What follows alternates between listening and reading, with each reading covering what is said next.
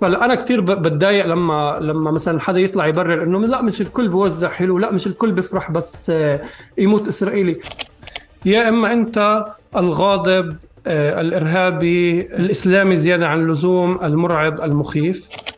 آه، تم اتهامك بمعاداة السامية وأنت تمسخرت على هذا الاتهام. في عقل المشاهد هذا الاتهام ينكمش. وأنا بس مش أنا مش قادر أنا خايف أنا مش قادر حتى أوصفهم إن هم مقاومين حرية مقاتلين حرية.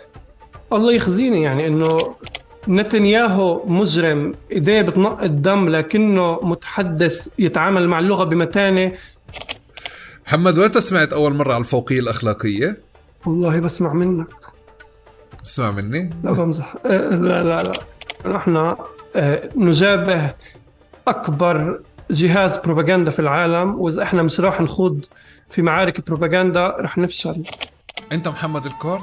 آه للأسف آه شو بتشتغل؟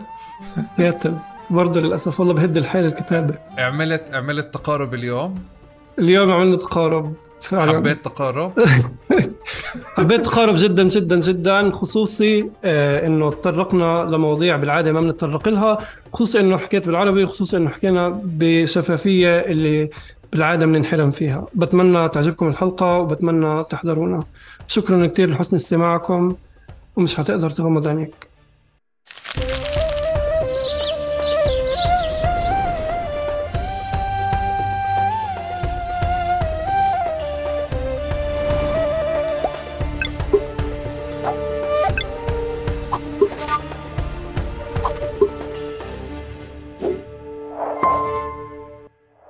مرحبا واهلا وسهلا فيكم في حلقة جديدة من بودكاست تقارب. معكم أنا أحمد البيقاوي وضيفي لليوم العزيز محمد الكرد.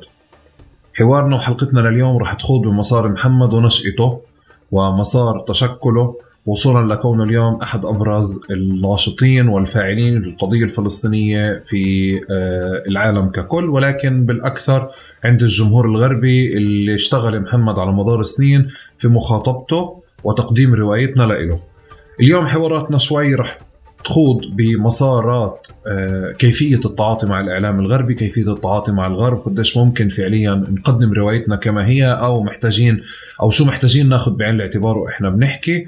وبنفس الوقت كمان بهمنا كتير نعرف الغرب كيف بشوفنا والإعلام الغربي كيف بشوفنا وكيف بحاول يقدمنا.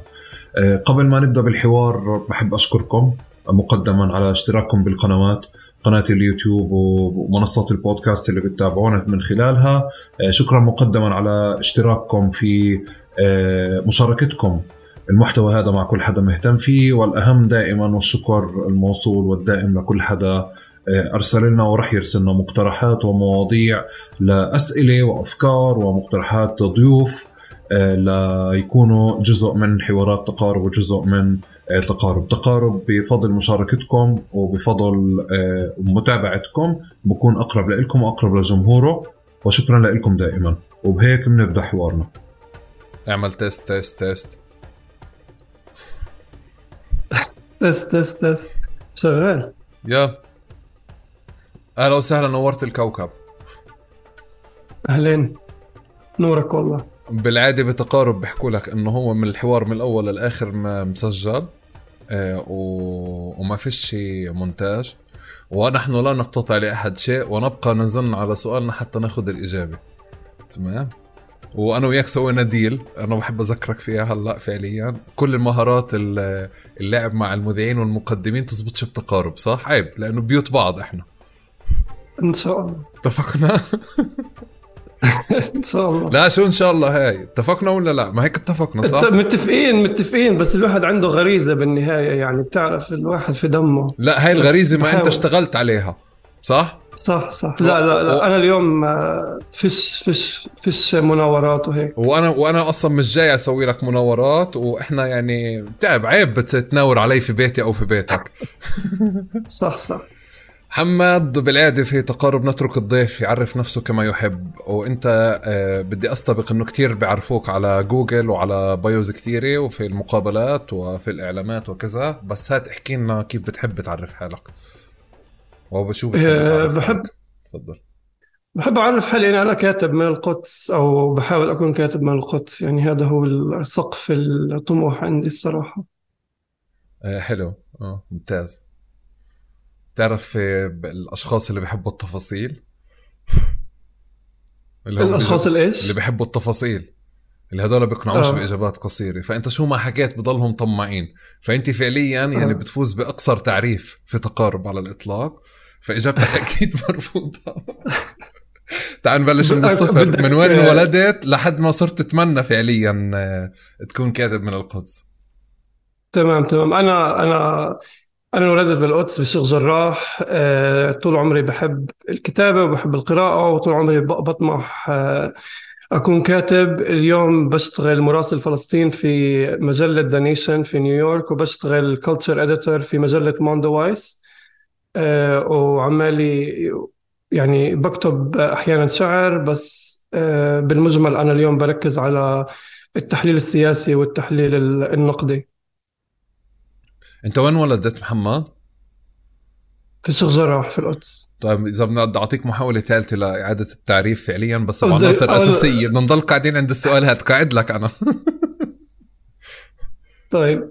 إيش كان ال- ال- المفقود من السؤال ال- القاف ولا شيخ جراح مش فاهم. لا كيف؟ شو؟ حرف القاف؟ لا كل شيء عشان قلت قدس مش قدس. لا هاي مسامح عليها. إحنا مقادسة يعني. لا لا هاي مسامح عليها بس أنا بدي أرجع من الأول فعليا. كثير أوكي. عاجبني وضعية إنه إنه نضل قاعدين عند السؤال هاد هيك لحد ما يعني آه ننطلق فيه. لأنه الشق الثاني كيف بتحبش يتم تعرف حالك أو كيف بتحبش يتم تعريفك فرح نستطرد فيه. بس آه آه حتى الآن كل التعريفات أنا كان ممكن أحكيها عنك. يعني هذا اللي أنت حكيته صح؟ صح. آه. وإحنا وكل أصحابك بيعرفوها هاي القصة. فبدنا نبلش من الأول. افتح قلبك عزيزي مرة- محمد. يلا. مرة مرة لما مرة واحدة مرة واحدة اعتقلوني ال- الإسرائيلية وال- وال- والمحققة ضلت ضلت وراي تسألني أسئلة وهي بتسألني شو هواياتك؟ شو هواياتك؟ شو هواياتك؟ قلت لها أنا بحب أعمل ألعب بالصلصال وأعمل خزف وهيك. بعرفش يعني هات تفكر أنا بعرفش ما عنديش تعريف أوسع وأعمق من من ال- اللي حكيته. أنا أنا انولدت بالشيخ جراح في القدس آه، تعلمت في مدرسة شعفات الثانوية للبنين. شو رأيك بالجواب؟ شعفات الثانوية بالبنين آه منيح. تعلمت شعفات الثانوية بالبنين بعدين 2016 آه، تعلمت آه، طلعت على أمريكا عشان أتعلم بالجامعة وتعلمت كتابة آه، وفنون بصرية بالبكالوريوس. بعدين عملت ماجستير بالكتابة الإعلامية. آه، والكتابة الإبداعية اليوم بشتغل في مجلتين مجلة The Nation مراسل فلسطين وبمجلة Mondoweiss بشتغل cultural editor حاليا عمالي بشتغل على كتاب. آه، فكر هيك جواب منيح شو رأيك؟ طيب تعال نروح ننط على كيف بتحبش يت- يتم تعريفك. بحب بحبش اتعرف آه، بحبش الناس تعرف علي كأنه أنا ناشط آه، بحبش الناس تعرف علي إنه أنا قائد أو يعني بحبش هاي ال ال المصطلحات الكبيرة الفضفاضة الواسعة يعني أو ال- المصطلحات الإيجابية زيادة عن اللزوم اللي بتحملك كأنه مسؤولية كبيرة. هاي ما بحبها. بس بالنهاية أنا بفكر إنه أنت لما تكون في ال...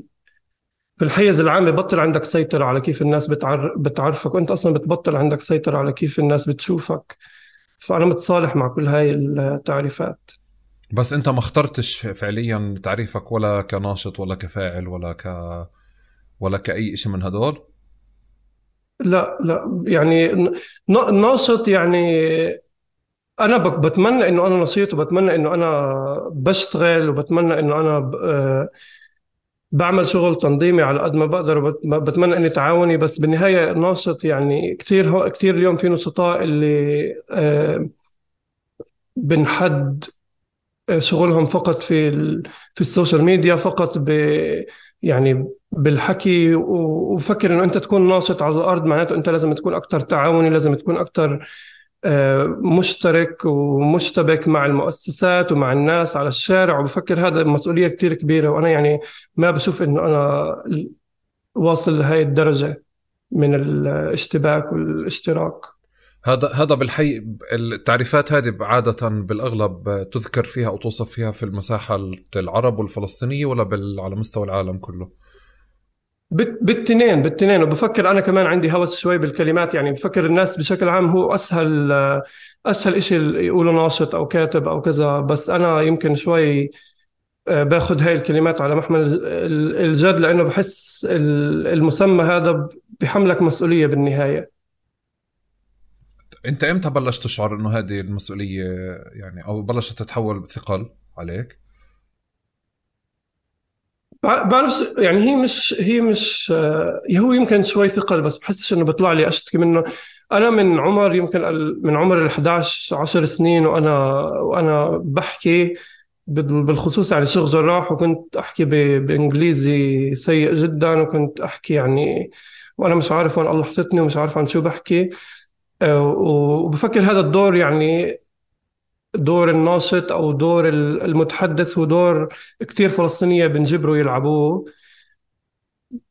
بالصدفة أحيانا كثير بالصدفة إنه أحيانا كثير بيكون ردة فعل على أزمة معينة إن كان هدم بيت أو تهجير من بيوت أو إن كان آه، استشهاد شخص بالعائلة أو آه، آه، حبس شخص بالعائلة بتلاقي أنت حالك لأنه إحنا مؤسساتنا للأسف يا إما مجرمة من قبل القانون الإسرائيلي يا إما مثقلة من الفساد وانعدام يعني المؤهلات أحيانا بتحول الثقل وبتحول العبء بتحول على الشخص نفسه اللي بيواجه المحنة إنه مش بس يواجهها ويتحمل عنائها لكن أيضا مجبور يدافع عن حاله.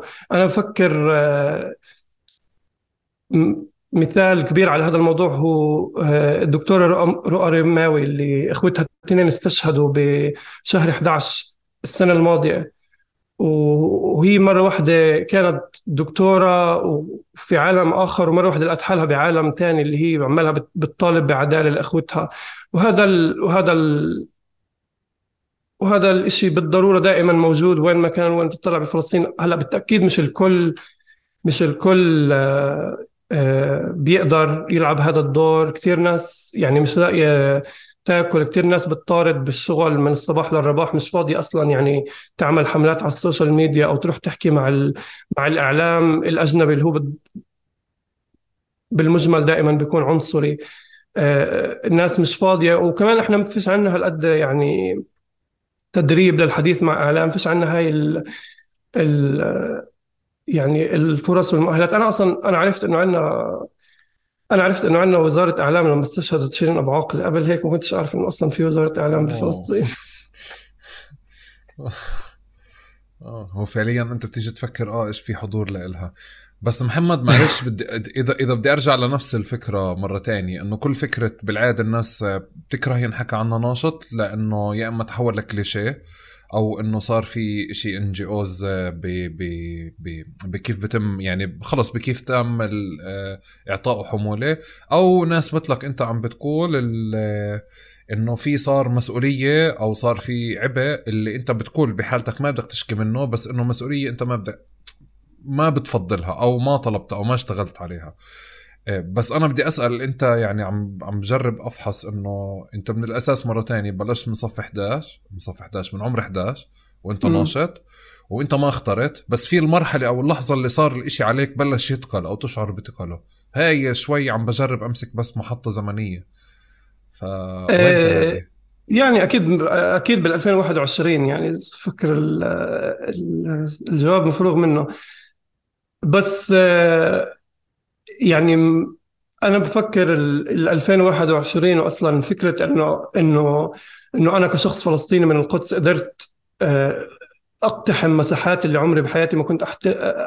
أحلم إني أقتحمها. هذا بالنهاية ترف وعلى قد ما هو بيثقل كاهلك على قد ما هو بيكون صعب تتعامل معاه أحيانا لكن هو بالنهاية ترف هو إشي اللي إحنا دائما بنطلبه وبنطالب فيه. ولما يوصلنا مجبورين نكون نعرف نتعامل مع يعني وأكيد في حلول للموضوع. يعني أنا بالنهاية لما لما تصير أنت ب هالقد آه، تحت مجهر وكل الناس شايفينك وأبصر شو أنا بفكر مسؤوليتك وواجبك بصير إنه أنت تحول حالك من من شخص فرد ل لوعاء للخطاب العام للخطاب الجماعي. ومش عمالي بحكي على الخطاب الشعبوي. آه، قصدي إنه أنت تلاقي ناس حواليك اللي تنصحك اللي تعطيك استشارات إن كانت آه، سياسية ثقافية أو حتى قانونية. اللي بالنهاية أنت تصيغ خطاب اللي يكون اجتماعي اللي آه، اجتماعي وسياسي و- وعالمي آه، وخطاب متين يعني اللي مش يرضي جميع الأطراف لكن ما يكون في ثغرات ما يكون في نقاط ضعف اللي أنت تقدر يعني تكون جاهز لأي لأي محاولات هجوم لأي محاولات انتقاد. وأيضا إنه أنت تعرف إنه أنت عمالك بتحمل مسؤولية شعب كامل بغض النظر إذا أنت اخترت هيك وأنت بدك هيك وبغض النظر إذا الشعب نفسه بده هيك. يعني تعال نكون صريحين أنا آه، لما أطلع على السي ان ان أو لما أطلع على وعلى فكرة بيعزمونيش مرة ثانية مرة واحدة طلعت. بس لما أطلع على هاي المحلات ما ما انتخبني الشعب الفلسطيني أطلع. فأنا ما ما ما عنديش الحرية إنه أحكي اللي بدي إياه. المفروض علي إنه الكلام اللي بدي أحكيه يكون ينتمي للشارع الفلسطيني وينتمي ل- للجماعة مش بس من راسي ومش بس رأيي الفردي. هي معادله صعبه معادله صعبه هلأ ب- جدا. رح نجي لها رح نجي لها أكثر ومعهم حق سي ان أن ما يعني ما يدعوكاش مرتين. ليه بتتوقع يدعوك يعني؟ محمد ليش عملنا إحنا يعني. لا لا ما عملناش شيء إحنا لا ولا أي شيء لا سلامتك. محمد بسياق ال آه، بسياق سؤال آه، تعريف فلسطين. بالعادة أنا ب- بترك حالي مع كل ضيف نقعد نحفر ندور على إيش الحادثة الأولى اللي شكلت ال- الوعي الف- الفلسطيني أو حولته من شيء رمزي أو شيء رومانسي لإشي فاعل. أكثر سواء أكثر آه، تضامنا أو فاعلية مع فلسطين أو أكثر رفضا للاحتلال. بحالتك بنفع أمسك آه، مجموعة محطات إذا بنفع تبنيها معي من الأول؟ أه، بفكر ال ال الذكرى الأولى كانت لما أجا مستوطن اسمه تساحي مامو اللي هو كان بوقتها رئيس مؤسسة نخلات شمعون الإستيطانية اللي هي مؤسسة أه، مسجلة ومبنية في الولايات المتحدة الأمريكية. أجا عنا على البيت دق على الباب وأعطى أعطى ستي رفقة أه، أمر إخلاء. وأنا بنساش كنت كتير صغير بتذكر قديش كان عمري بس بتذكر إنه القهوة فارت على الغاز. وهذا بفكر كان المدخل الأول. طبعا بعدين لقدام صار في.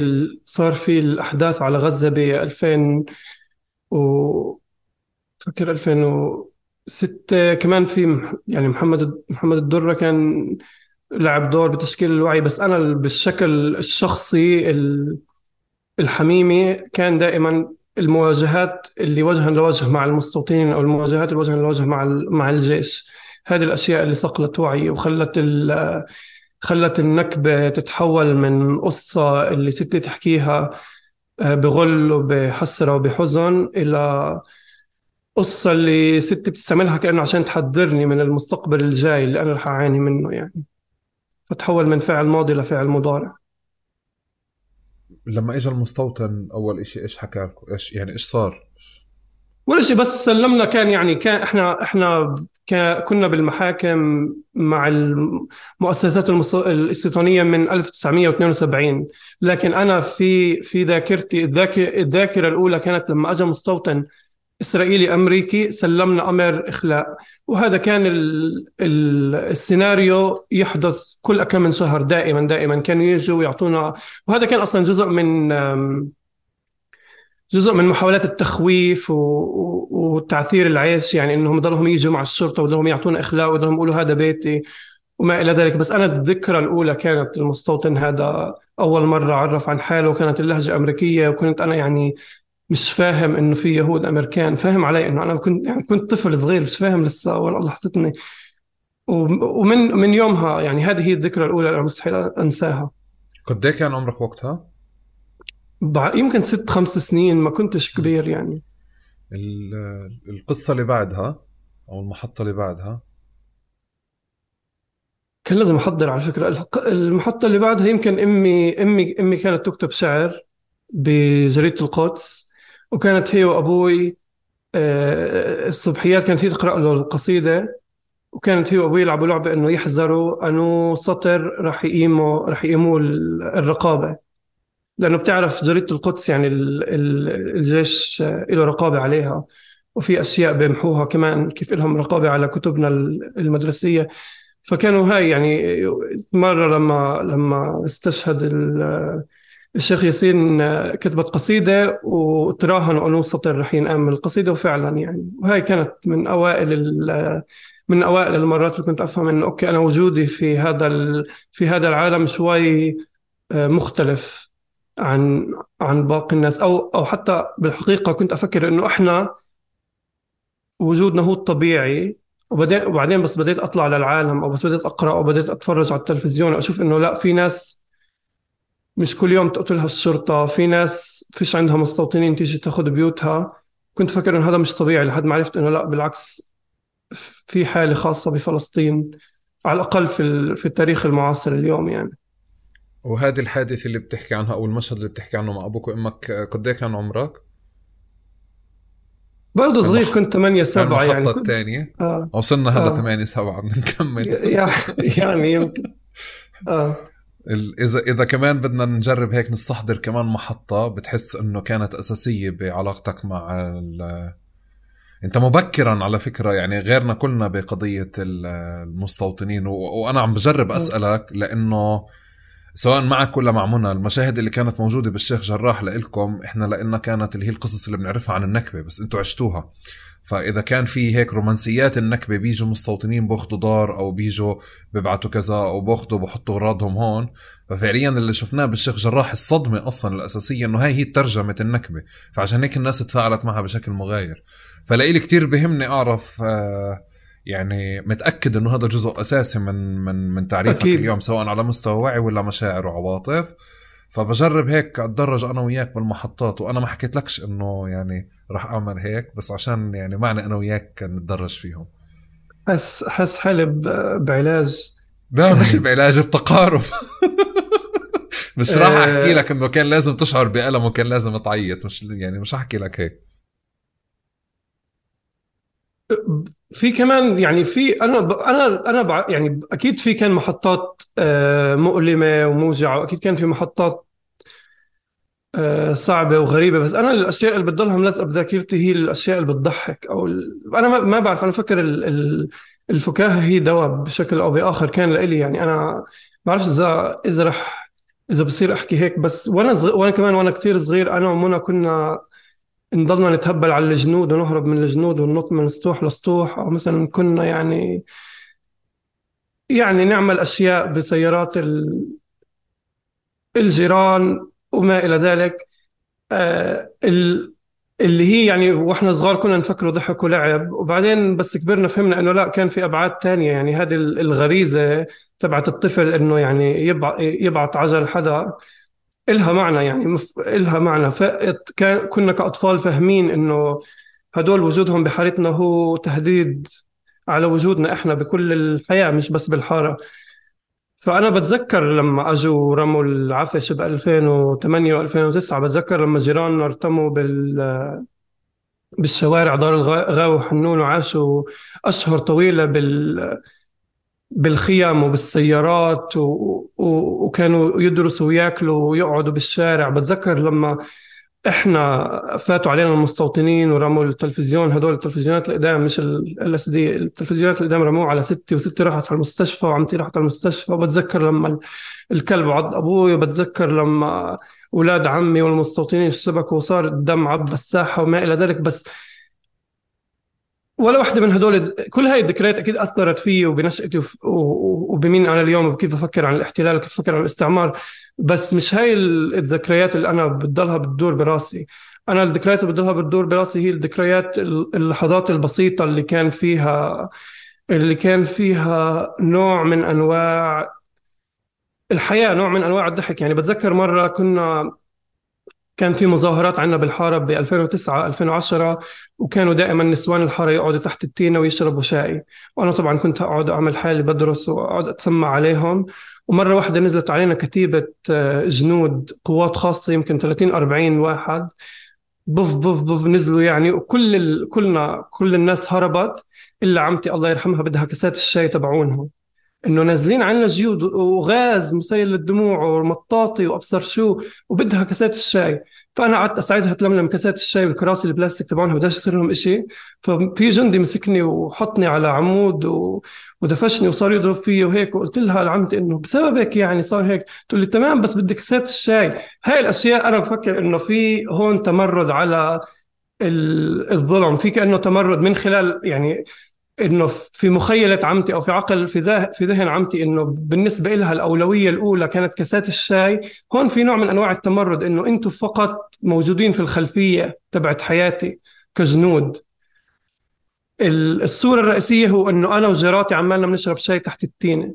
وأنتم زيكم زي المطر يعني زيكم زي المطر. كبستوا علينا وبدنا مجبورين نفوت على البيت يعني. بس أنتم بالنهاية فقط في الخلفية. هاي الأشياء أنا بفكر دائما بحاول أستحضرها وأنا بفكر بطفولتي وأنا بفكر بنشأتي. أوكي. محمد بالمشهد تبع بالمشهد تبع أمك آه، الوالدة خلي لك إياها ب... هي فتحت ذهنك على الشعر؟ بفكر آه يعني كان إحنا بيتنا كانت أمي دائما يعني رجعت من جديد تكتب شعر بس آه دائما كانت تقرأ شعر الصبح وكانت يعني تكتب المسودة و... تعرف هدول الدفاتر؟ تعرف تعرفش يعني أنا أنا صغير يعني مش على زماني بس بتذكر كان عندها هدول الدفاتر تكتب عليهم.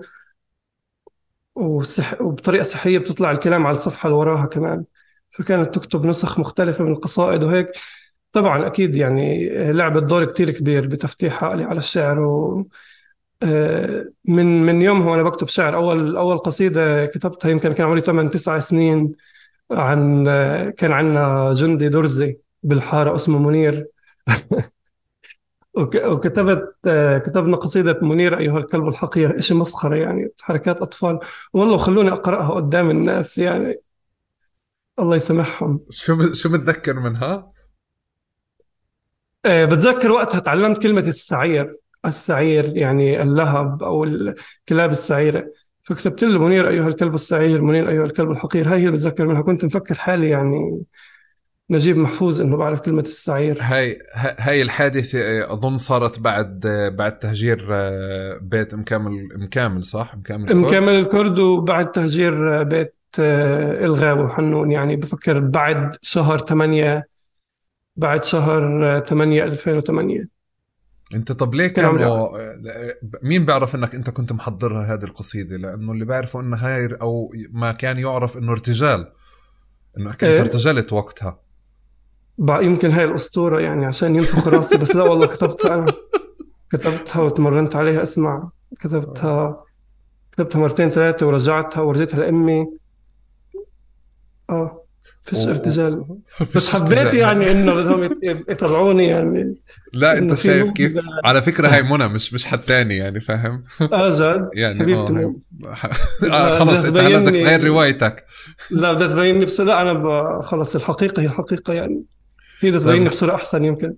محمد بالنسبة لستك آه، كمان ستك رفقة اللي واضح لي إنه هي حدا يعني آه، ملهم محوري أو أو رح ينذكر بكتير محطات أو له أثر بكتير محطات. ممكن آه، تحكي لنا مين رفقة؟ لإلك. يعني صعب شوي. أنا فكر ستي يعني كانت تحبني بشكل آه، غير طبيعي. وهي كانت يعني كثير يعني حتى وأنا وأنا طفل كانت هي كثير كثير كثير كبيرة يعني. إنه دائما كنت أعرفها بعد الثمانين ولا مرة كانت يعني صغيرة بالعمر بنظري. وكانت دائما يعني عندها نوع من أنواع الحقد. إحنا بنكبر وبنتعلم. أو بنشوف صور آه، النساء والسيدات الفلسطينيات الكبار اللي فقدوا كثير وبنشوفهم دائما هم بتحسروا خصوصي بالإعلام الأجنبي. دائما في صورة الحسرة وفي صورة الشخص المكسور والاستعطاف وما إلى ذلك. بينما ستي أنا فكر كان عندها كراهية للمستعمرين وكانت هي يعني بدون خجل تحكيها كانوا يجوا عنا كثير كثير متضامنين وأجانب. وستي ما كانت تحكي كثير إنجليزي بس كانت تعرف لا كم من كلمة يعني. بتصير من وين جابتهم؟ وكانوا يجي عندهم مستوطنين آه، متضامنين أجانب تقول لهم من وين أنت؟ يقولها من بريطانيا. تقول له you are the reason you are the reason وهيك تقعد تحط إصبعها بوجهه إنه أنت السبب. آه هذا الإشي يعني هذا الإشي فكر ألهمني أشوف أشوف أشوفنا بطريقة تانية.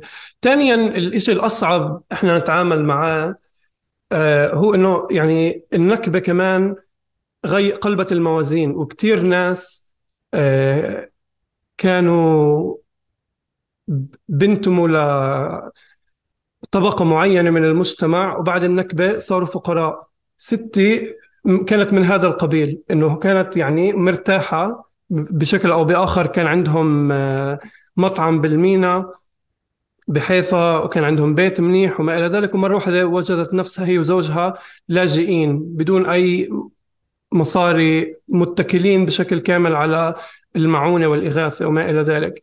هذا الإشي بيولد آه، ولد عندها حالة اللي بالنسبة لي كانت مثيرة للاهتمام.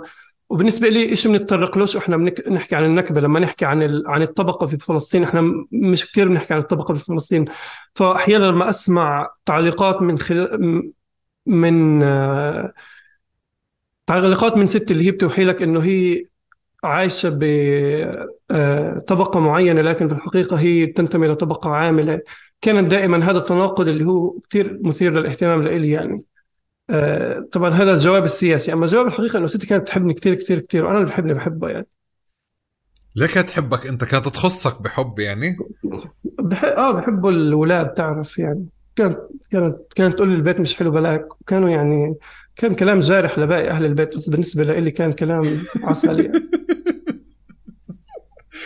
حمد بالمدرسة كنت تقعد ورا ولا قدام؟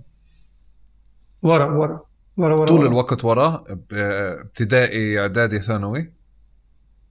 طول الوقت يعني يمكن بالأول بالأول كنا شوي آه كنت شوي بقعد قدام بس كنت أجيب علامات عالية بس أمي ما كان يعجبها يعني عشان كنت أكون الثاني على الصف مش الأول. فبعدين خلص إنه فرطت المسبح وصرنا نقعد ورا يعني. صرت الرابع؟ آه، منيح مني إذا صرت واللي قاعد ورا فعليا لأنك أنت مشاغب ولا بدك تصير مشاغب؟ بدك تقعد مع المشاغبين.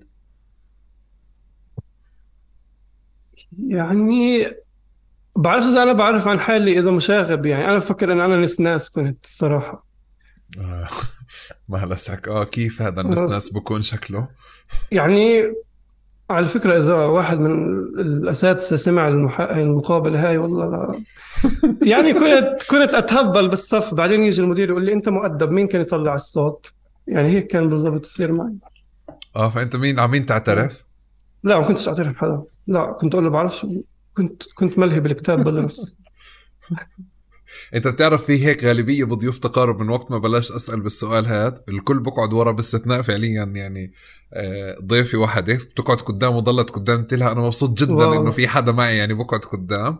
والأغلب فعليا بقعد ورا بس يعني علامات جيدة. فاهم؟ يعني إنه هو ب... أنت شو يا ابن ما أنت ابن عالم وناس وهيك شاطر وهيك ليه بتقعد ورا طول الوقت؟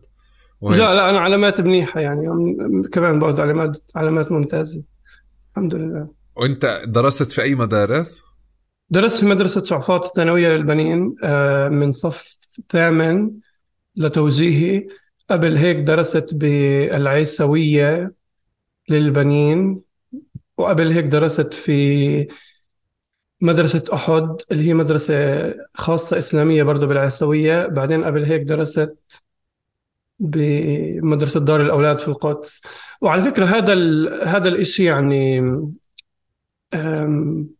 كان صعب لأنه وهذا الشيء كان آه، بالضرورة آه، نتيجة من نتائج إنه في مستوطنين في بيتنا إنه إحنا ما عندنا بيت ومضطرين كنا آه، ننقل كل كل سنة والتانية ننقل على على بيت جديد للاجار لأنه كانوا الاجارات غالية وبالقدس خصوصي. وبعدين أنا في فترة من الفترات رحت قعدت مع ستي وعمتي يعني رح طلعت من بيت أهلي. وكنت صغير لسه يعني بس كنت قاعد مع ستي وعمتي وكانوا أهلي يجوا يعني مرتين ثلاث مرات بالأسبوع يناموا يعني. بس آه كان البيت كثير دي البيتنا كثير صغير يعني ما بوسع عائله كبيرة كعائلتنا خصوصا إنه بعد ما استولوا المستوطنين على على نصه بس هذا التنقل آه، خلاني أروح من من مدرسة لمدرسة وكان كمان صعب الواحد يحافظ على أصدقاء يعني من مدرسة لمدرسة. أوكي. ال ال آه، كم كان عمرك لما المستوطنين أخذوا نص بيتكم؟ صار الإشي ب 2009 فيمكن كان عمري 10 10 انت آه، جيت من المدرسة اللي كنت فيه مستوطنين جوا بيتكم؟ صحيح. ممكن بت- بتتذكر المشهد منيح؟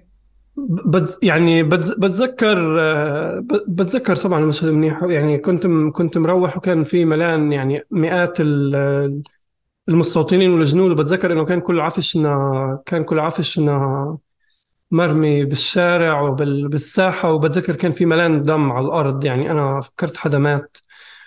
و...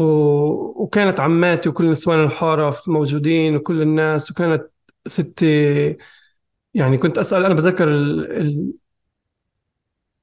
الإشي الأساسي كان إنه أنا كنت أستفسر وين ستي وين ستي وكانت بالمستشفى لأنه كان في مستو... مستوطن معتدي عليها وهي كانت غايبة عن الوعي. بس الباقي هيك كله ضبابي. برضه بتذكر كان كمان ال... الاستيلاء على البيت عندنا صار على مراحل. يعني أنا ب- بتذكرش التواريخ بالضبط. آه، أنو تاريخ بالضبط صار الإشي. بس قبل هذا المشهد كان في مشهد تاني اللي اجوا آه، اقتحموا البيت ال- الشرطة وبتذكر إنه أنا صحيت ولقيت في خمسة ستة بتطلعوا علي يعني.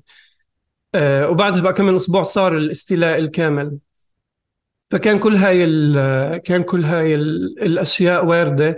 وأيضا إنه دار الغاوي اللي هم بالنا بالضبط بالشارع صار فيهم هيك قبلنا بقى كم من شهر. فأنا بس روحت على البيت آه، كان أقل عندي صدمة من ما كان عندي يعني غضب لأنه كنا فاهمين بالحارة إنه الدور علينا الدور جاي علينا. و... وإحنا فاهمين أيضا إنه هذا ال... هذا الواقع الموجود في... مدينة القدس بشكل عام يعني خصوصي هلأ مع مع محاولات بلدية الاحتلال لتسجيل الأراضي. اللي أكيد أنت بتعرف إنه بالنهاية رح يكون لصالح المستوطنين. كتير كتير ناس للأسف كتير كتير ناس آه للأسف رح يكون بيتها مهدد لل... لل... للإخلاء مهدد للتهجير. وأنا عشان هيك دائما بكون حزين وزعلان إنه إحنا حملاتنا بتكون بالمعظم هي ردة فعل على فعل التهجير. أو ردة فعل على انتظار التهجير إنه إحنا عندنا خبر التهجير وإحنا بنرد فعل عليه.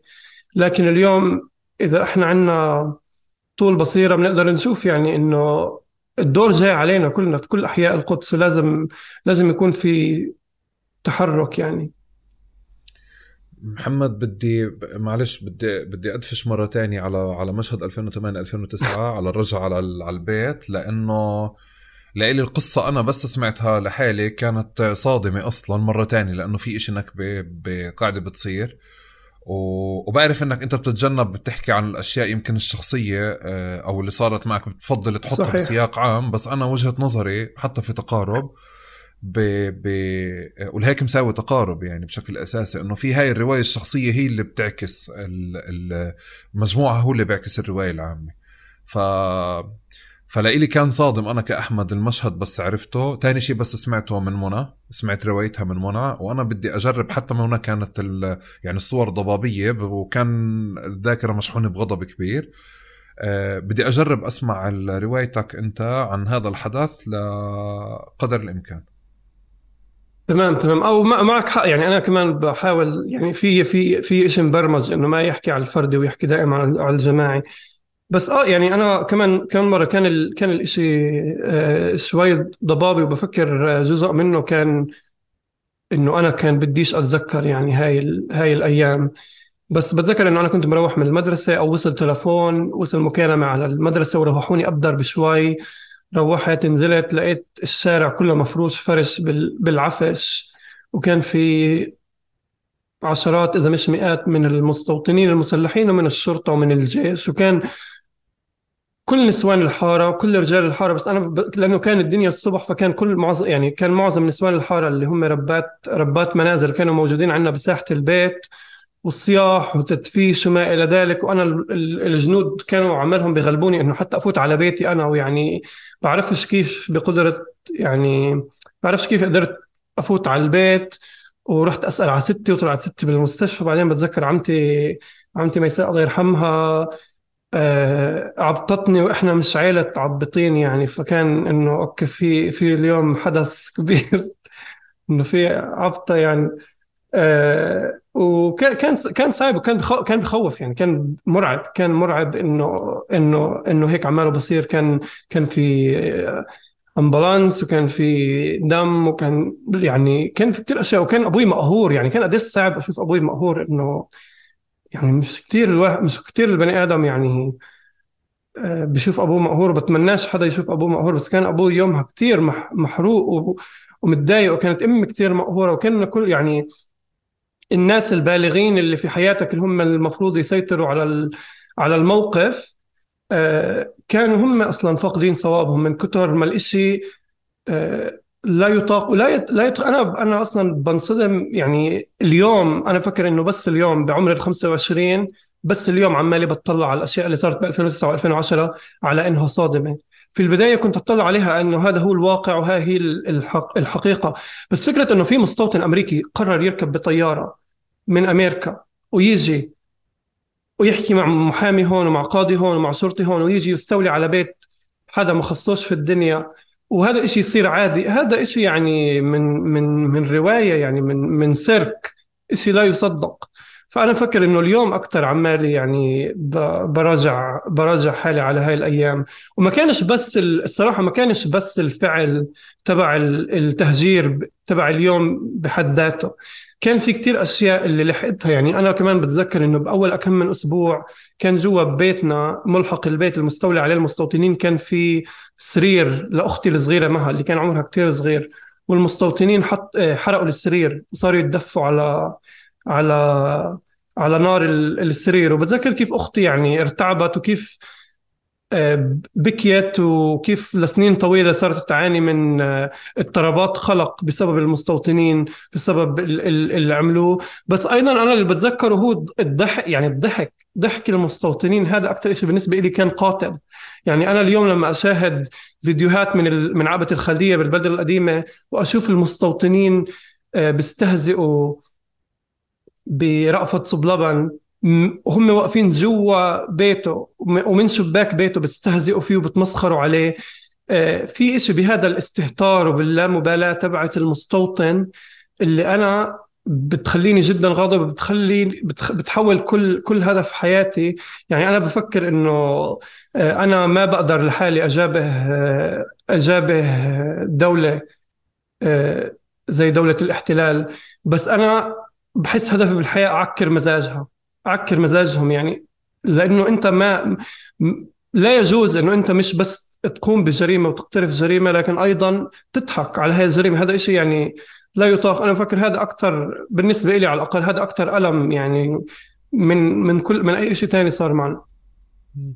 محمد وأنت قاعد بتحكي حكيت عن المستوطن الأمريكي وحكيت عن المستوطن آه، آه، الإسرائيلي اللي موجود. ولإلي مش متأكد إذا من هون بلشت أنت تتعاطى مع مع الأجانب برا. أنا بعرفش من ذاكرتي من الانتفاضة الثانية فلإلي كانت الأجانب هم اللي النشطاء اللي بيجوا على الحواجز بوثقوا شو بصير عند حاجز بيتيبا أو حاجز طول كرم أو كذا. إيه، بس بغير هذا السياق ما كنتش منتبه أو ما كنتش بشوفهم بسياق تاني. لإلك أنت أوائل انفتاحك على الأجنبي أو الغربي المستوطن أو كان في نشطاء قبلهم؟ آه، لا كان في نشاط يعني من أول ما بدأ التهديد بالتهجير كان في كان في آه سمعني؟ آه سامعك. بقول خيمة الاعتصام؟ كان في خيمة الاعتصام وكان في مص آه, آه، كان في آه، ناشطين من ال International Solidarity Movement من ال ISM وأكثر شيء بارز بالنسبة لي إنه كنا دائما نعطيهم أسماء عربية فلسطينية فكان في في شخص بريطاني كبير بالعمر أجنبي بريطاني عمره يمكن بالثمانينات وكنا مسمينه أبو محمود عشان كان في باب الحارة واحد اسمه أبو محمود بالزمانات.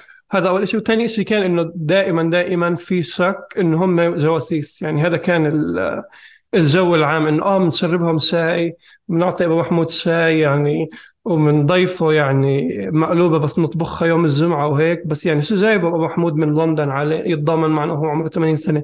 أكيد أكيد جاسوس. طبعا الغالبية العظمى من هذول المتضامنين ما كانوا جواسيس. وطبعا آه، الغرب يعني بعدين نقدر نحكي عن أكثر يعني بس الغرب كله مش مش مش الوحش يعني. بس كمان كان في منهم جواسيس يعني. وقت وقت دار الغاوي لما دار الغاوي تم تهجيرهم من بيتهم دار الغاوي حنون ب 2008 2009 آه، المس... في شريحة من المتضامنين ساعدوا بالتهجير اللي هم كانوا أصلا آه، مش مستعربين كانوا مس... مستضمنين شو بعرف كانوا يعني كانوا يعني؟ يهود كانوا يهود كانوا يهود عاملين حالهم متضامنين أجانب وفعلا يعني ساعدوا ب كانوا كانوا بآخر أيام الاعتصام تبع دار الغاوي كانوا متضامنين يناموا جوا دار الغاوي يعني بالساحة كانوا يناموا ويوم الإخلاء ساعة في جزء منهم جزء صغير ساعد بال بالاستيلاء على البيت فعلا. أنا هاي الصورة أول مرة بعرفها بس أنت بتعرف زي كأنها صور يعني مرة تانية صور نكبة يعني هاي التفاصيل الصغيرة أنا بفكر هي اللي هي اللي بتعمل الرو... يعني هي بتعمل صورنا هي اللي بتعمل روايتنا وبحس لك كمان جزء كبير من النكبة. آه، بصريا أو على مستوى مخيلة بتشوف أنت ناس حامل اغراض فقرويه حاملين أواعي بأواعي ممزعه طالعين. بس شو كان بصير قبلها بيومين وثلاثة وأربعة وخمسة؟ كيف كان بنشغل؟ ما يعني بنستحضرهاش بس وانت قاعد بتحكي عم برجع كمان بخطر لي قصص ثانية قيلت ما قبل ال 48 على نوعية علاقات اجتماعية كانت موجودة بعدين تسللت اللي هي مش تضامن بس نوعية علاقات اجتماعية قلبت فعليا لما لما تغيرت ال ال القوى في حينها محمد بالشق الثاني الخيمة نفسها كان فيها يسار إسرائيلي أو كان ما يسمى يسار بعرفش بدك تسميه أنت عندك طوشة مع الموضوع هذا آه. بس أنا لإلي باجي بتطلع إنه بط ال ال الفيلم اللي معمول عنك وعن منى من الكاميرا اللي مكتوب عليها بالعبري لوجود آه، آه، دائما فكرة إنه ما قبل ما إحنا سمعنا عن الشيخ جراح كان في نشطاء إسرائيليين موجودين دائما آه، في كمان علاقات اجتماعية موجودة. بس وصولا لمحل ب بيمكن 2021 وما بعدها صرت أشوف إنه في توجه واضح بتحييد الناس هدول أو التوجه بعدم التعاون معهم. فبنفع تخبرني عن انت مسارك مع هذا الإشي؟ بس كيف بلش من خيمة الاعتصام؟ تمام. اولا أنا بدي أقول إنه أنا لا أؤمن إنه في شيء اسمه يسار إسرائيلي يعني بس كبداية يعني بفكرش إنه عندهم يعني سبيكترم سياسي الإسرائيلية بفكر كلهم. هذا اكتشفته ولا ولا يعني اكتشفته لحالك ولا آه طبعا اكتشفته هلأ الحاله الحالة العامة كانت في كل القدس وفي كل الأحياء المهددة بالتهجير كانت انه ما يسمى باليسار الإسرائيلي كان موجود. آه، كان موجود وكان مهيمن أصلا على الخطاب. الإعلامي كان مهيمن على الخطاب التضامني. آه، أنا كنت صغير ما ما بعرف يعني شو شو تداعيات هذا الموضوع. أنا بقدر أعرف إنه إحنا آه، لجاننا تبعت حاراتنا هي لجان محدودة الموارد. بقدر أعرف إنه الإسرائيلية اليساريين هم بني أدمين مشبعين بالذنب إن هم قاعدين ببيوت فلسطينية بيافا وبحيفا فبيجوا يعني بيغسلوا ذنوبهم عنا بحاراتنا وبياكلوا مقلوبه يوم الجمعة. هالأشياء بقدر أفهمها بس لكن كيف هذه الحالة كانت تصير؟ آه، أنا أنا ما بعرف. آه، بس هو ال هو ال ال يعني الشيء الواضح إنه هدول ناشطين ضد الاحتلال وبالنسبة لهم حدود ال 67 القدس الشرقية أو ما يسمى بالقدس الشرقية آه، مسافر يطا. كل كل المحلات التي تقع تحت احتلال وهم ضد الاحتلال فبدهم يروحوا يتضامنوا معها ويتآزروا معها وما إلى ذلك. وما بعرف إذا إحنا يعني عائلاتنا آه، كان من من من محل قلة حيلة أو كان من محل قلة تضامن من أبناء البلد أو كان من من محل عقدة آه، خواجة أو ما إلى ذلك بس كان في نوع من أنواع يعني التعاون اللي أنا بفكر صار واضح جدا لإلنا. إذا إحنا بدنا نعمل حراك شعبي عالمي آه، بال 2021 2020 كان لازم نقول لهم بشكل واضح وصريح إنه أنتم غير مرحب فيكم بهاي المساحات. أنتم مش مش موجودين آه، مش مرحب فيكم بهاي المساحات لسببين برأيي أنا الشخصي. السبب الأول يعني سياسيا إحنا مش على نفس مش على نفس الصفحة. إحنا نؤمن إنه آه، الصهيونية هي حركة استعمارية آه، إرهابية لا شرعية لها وأنه استولت على فلسطين من النهر للبحر بينما أنتم تؤمنوا أنه فقط الاحتلال يجب أن ينتهي. هذا الشيء بحطنا في تضاد. لكن السبب الثاني اللي هو أكثر سبب تكتيكي برأيي أنا وما بفكر ما بفكر أنه هذا الشيء اللي أحكيه هلأ كثير متفق عليه يعني هذا بس رأيي الشخصي أنا بدي أنوه. بس أنا كمان بفكر أنه تاريخيا الصراع الفلسطينية الصراع الفلسطيني الإسرائيلي كما يقال عنه دائما تم الترويج له كانه شيء كثير معقد وشيء آه، مر عليه آلاف السنوات من الزمن وشيء غير مفهوم ومسلمين إسلام ويهود وخشين في بعض وإحنا مش فاهمين التبعيات وما إلى ذلك. وأنا بفكر كان هدفنا بحملة الشيخ جراح إنه نبسط للعالم الحراك التحرري الفلسطيني إيش إيش معنى قضية فلسطين؟ نبسط الإشي. إنه في محتل وناس آه، محتلين وفي ناس اللي أراضيها احتلت في مستعمر ومستعمر في كل هاي الأمور. نبسطها وبفكر إنه وجود إسرائيلية في هاي الصورة بيعقد الأمور بخلي المواضيع أكثر شائكة وبخلي الناس اللي اللي برا الماء إلها اللي ما إلها آه، فهم عن الموضوع وما إلها أصلا اهتمام كتير بالموضوع يصير عندها شوية لخبطة وخربطة. طبعا أكيد كتير ناس يمكن حتى منى كثير ناس ممكن تعترض على هاي وجهة النظر انت رح يقولوا لك إنه إحنا مش بروباغندا وإحنا بدناش يعني نبسط الإعلام لدرجة البروباغندا بس أنا أنا بفكر إنه إحنا آه، نجابه أكبر جهاز بروباغندا في العالم وإذا إحنا مش راح نخوض في معارك بروباغندا رح نفشل. إحنا يعني إذا بس بدنا نستعمل الحق كسلاح رح نفشل لأنه الحق يعني كلمة الحق لا تضاهي 15 آه، آه، محطة تلفزيونية يعني. لازم يكون عندنا نوع من أنواع ال ال الاحتيال على على الإعلام، الاحتيال على السردية العالمية. ويا رب ما حدا يترجم هذا الشيء للإنجليزي. بس آه لازم يكون عندنا يعني شوية حداقة بالتعامل مع الإعلام لأنه بالنهاية إذا بدنا إحنا نلعب ب بقواعدهم وإذا إحنا بدنا نبوس الكلب من تمه يعني كيف بقول لك المثل مش راح نجيب مش راح نجيب بنتيجه فهي هي الأشياء. بس أنا كمان بفكر إنه حتى اليوم في عندنا في اشكال بوجود اليسار الإسرائيلي في في حيزاتنا. طبعا يعني تطلع على مسافة يطا لأشهر طويلة كان الوحيدين اللي يروحوا يتضامنوا مع آه، سكان مسافر يطا المهددين بالتهجير هم اليسار الإسرائيلي. تطلع على على عقبة الخلدية ومين بتواجد في البيوت اللي موجودة في عقبة الخلدية. آه، الواضح لنا إنه إذا بدك تحرك الشارع المقدسي أو الشارع الفلسطيني عشان يجي لازم ما يكون في إسرائيلية موجودين وهذا الشيء مفروغ منه. لكن أيضا يعني أنا ما بعرف أنا ما بعرف إذا أنا عندي يعني إحنا كان لنا طوش بحارتنا وكان لنا قصص طويلة عريضة مع هذا الموضوع بس أنا ما بعرف إذا أنا بيجيني قلب أقول لحدا من مسافر يطا إنه تتعاملوش مع الإسرائيلية اليساريين ولا أنا بجيش بتضامن معكم. لأنه يعني بالنهاية في نوع من أنواع اليأس اللي موجود في نوع من أنواع العزلة اللي موجودة هناك اللي إذا بس ال ال اليساريين بيروحوا هناك أنا مش رح أحكي شيء طبعا عيب علينا إنه ما نروحش. وأنا بفكر إنه هلأ في أكثر من انيشيتيف جديد عماله بصير اللي اللي بدعم اللي بدعم مسافر يطا من من فلسطينية وبطلب من فلسطينية يروحوا يعملوا جولات بمسافر يطا يروحوا يتضامنوا مع الناس يروحوا يسهروا مع مع السكان يكونوا معهم. بس هذا آه هذا إشي كتير آه، مهم نكون واعيين له يعني. ومش بس يعني أنا بفكر هو أكثر إشي وضوح صرت فتحت راسك بس أكثر إشي واضح بال بالاكثر شيء واضح بالشارع يعني صح؟ لأنه واضح إنه هم هذول يعني أشكناز شو الله جايبهم هون يعني بنص سلوان يوقفوا بنص سلوان يحملوا دايلق بوش آه، يافطات وهيك بس الاكثر من هيك هو موجود يعني بال بال NGOs موجود بال... بالخطاب الإعلامي موجود كثير في في آه، تسلل لهم وفي سيطرة وهم فيش عندهم الوعي الذاتي الكافي يعرفوا إنه هن مش مرغوب فيهم. وإحنا لازم نكون شوي اوعى على هذا الموضوع. وأنا بعتذر إنه بقول إحنا لازم وبقول كلام زي لازم و... وأوعى وكذا ومع إني مش عمالي عادي عادي أي- بحياة ربك لا لا في تقارب ما مش عمالي. بطرح يعني لا عادي بتق... بتق... تقدر تطرح تشارك رأيك يا عمي من وين جبتوا لنا هذه فكرة إنه الواحد بيعرفش يحكي رأيه.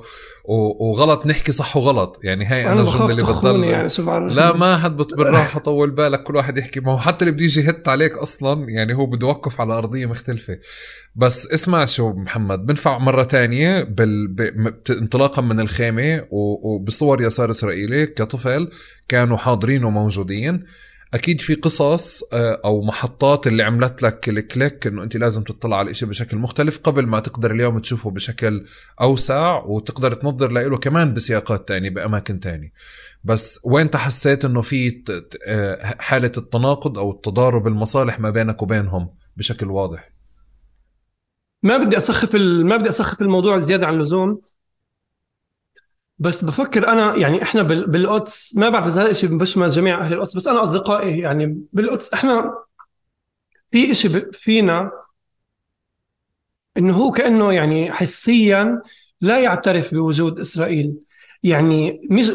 حتى فوق ال... فوق ال...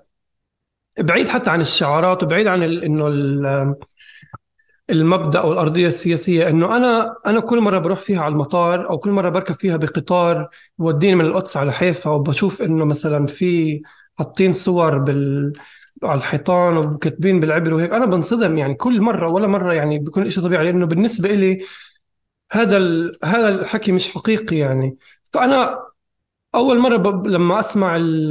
لما كنت أسمع الإسرائيلية يقولوا إسرائيل وإحنا بإسرائيل وإسرائيل وإسرائيل إنه أنا كنت قلت ما إحنا فكرت إنه إحنا يعني دافنين فكرت إنه إحنا يعني متفقين إنه هذا يعني إنه هاي إسرائيل مسخرة وأنتم يعني ضدها وإنه يعني كان اللغة كانت اللغة هي المدخل لإلي إني أفهم إنه هم مشكلتهم الأساسية مش مع إسرائيل كدولة موجودة على الأرض لكن مشكلتهم الأساسية مع الاحتلال أو مع المستوطنين أو مع ما يسموه التطرف الصهيوني.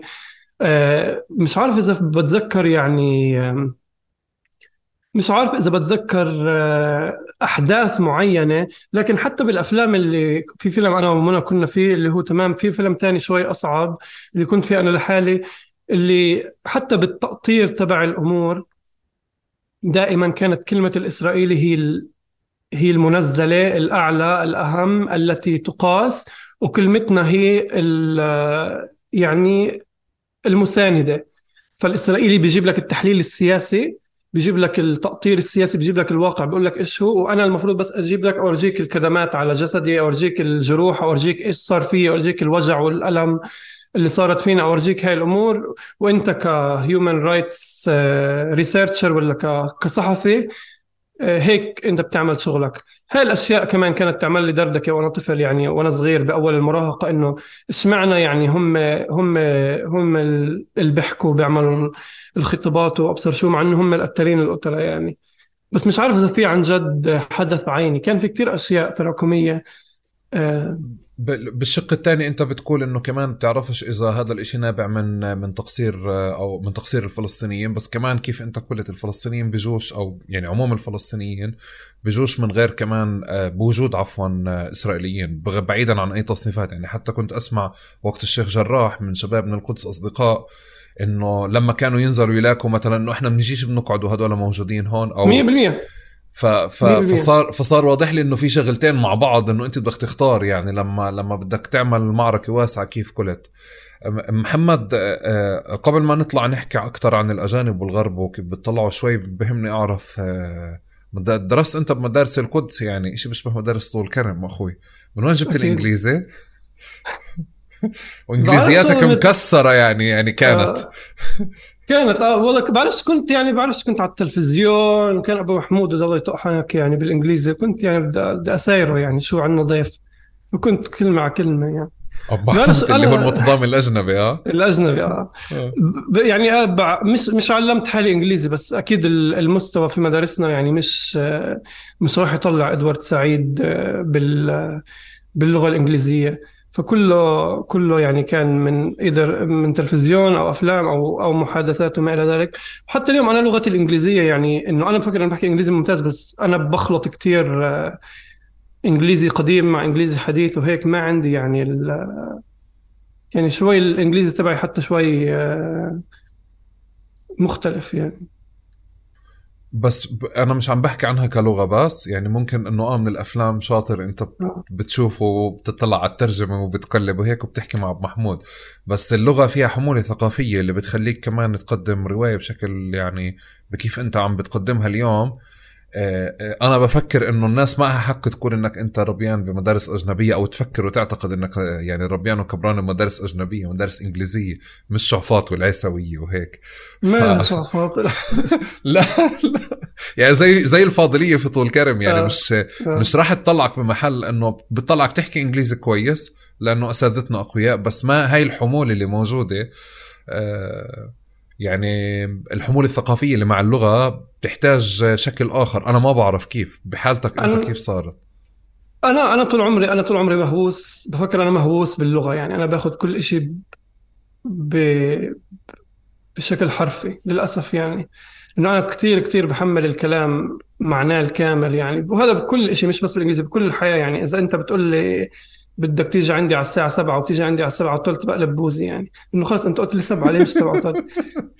آه، فمن وقتها يعني كان من من وأنا صغير كان هذا الهوس يعني يجرني لمحلات معينة. بتذكر قرأت آه، الأدب الصهيوني وأنا صغير لغسان كنفاني. بس برضه اللي كان يمكن عنده influence أكثر شوي آه، كان في موقع إسرائيلي بالزمانات اسمه TIP The Israel Project وكانوا كانوا يعملوا manuals لكل سيناريو بتقدر انت تتخيله. تعال نقول إنه انت دبلوماسي إسرائيلي رح تطلع على CNN مش Fox News وفي هلأ صواريخ بتنزل على غزة. شو النقاط الأساسية اللي تحكيها؟ وكانوا يشرحوا بهذه الأشياء كانوا يشرحوا ليش هاي الكلمة مش هاي الكلمة. ليش كلمة مثلا raining rockets مش آه، throwing rockets أو launching rockets ليش مثلا ليش كانوا يقو- كان مثلا إذا أنت دبلوماسي لازم تقول إنه أنا أنا بحزن على كل حياة بريئة راحت في غزة. بينما إذا أنت مواطن إسرائيلي مش مطلوب منك تحكي هيك. في كتير أشياء اللي أنا بالنسبة لي كانت مثيرة للاهتمام وانهوست فيها سنوات طويلة إنه قعدت أقرأ شو بيكتبوا وشو بيحكوا ليش ليش ليش هالقد بيحملوا الكلام ثقل وما إلى ذلك. و...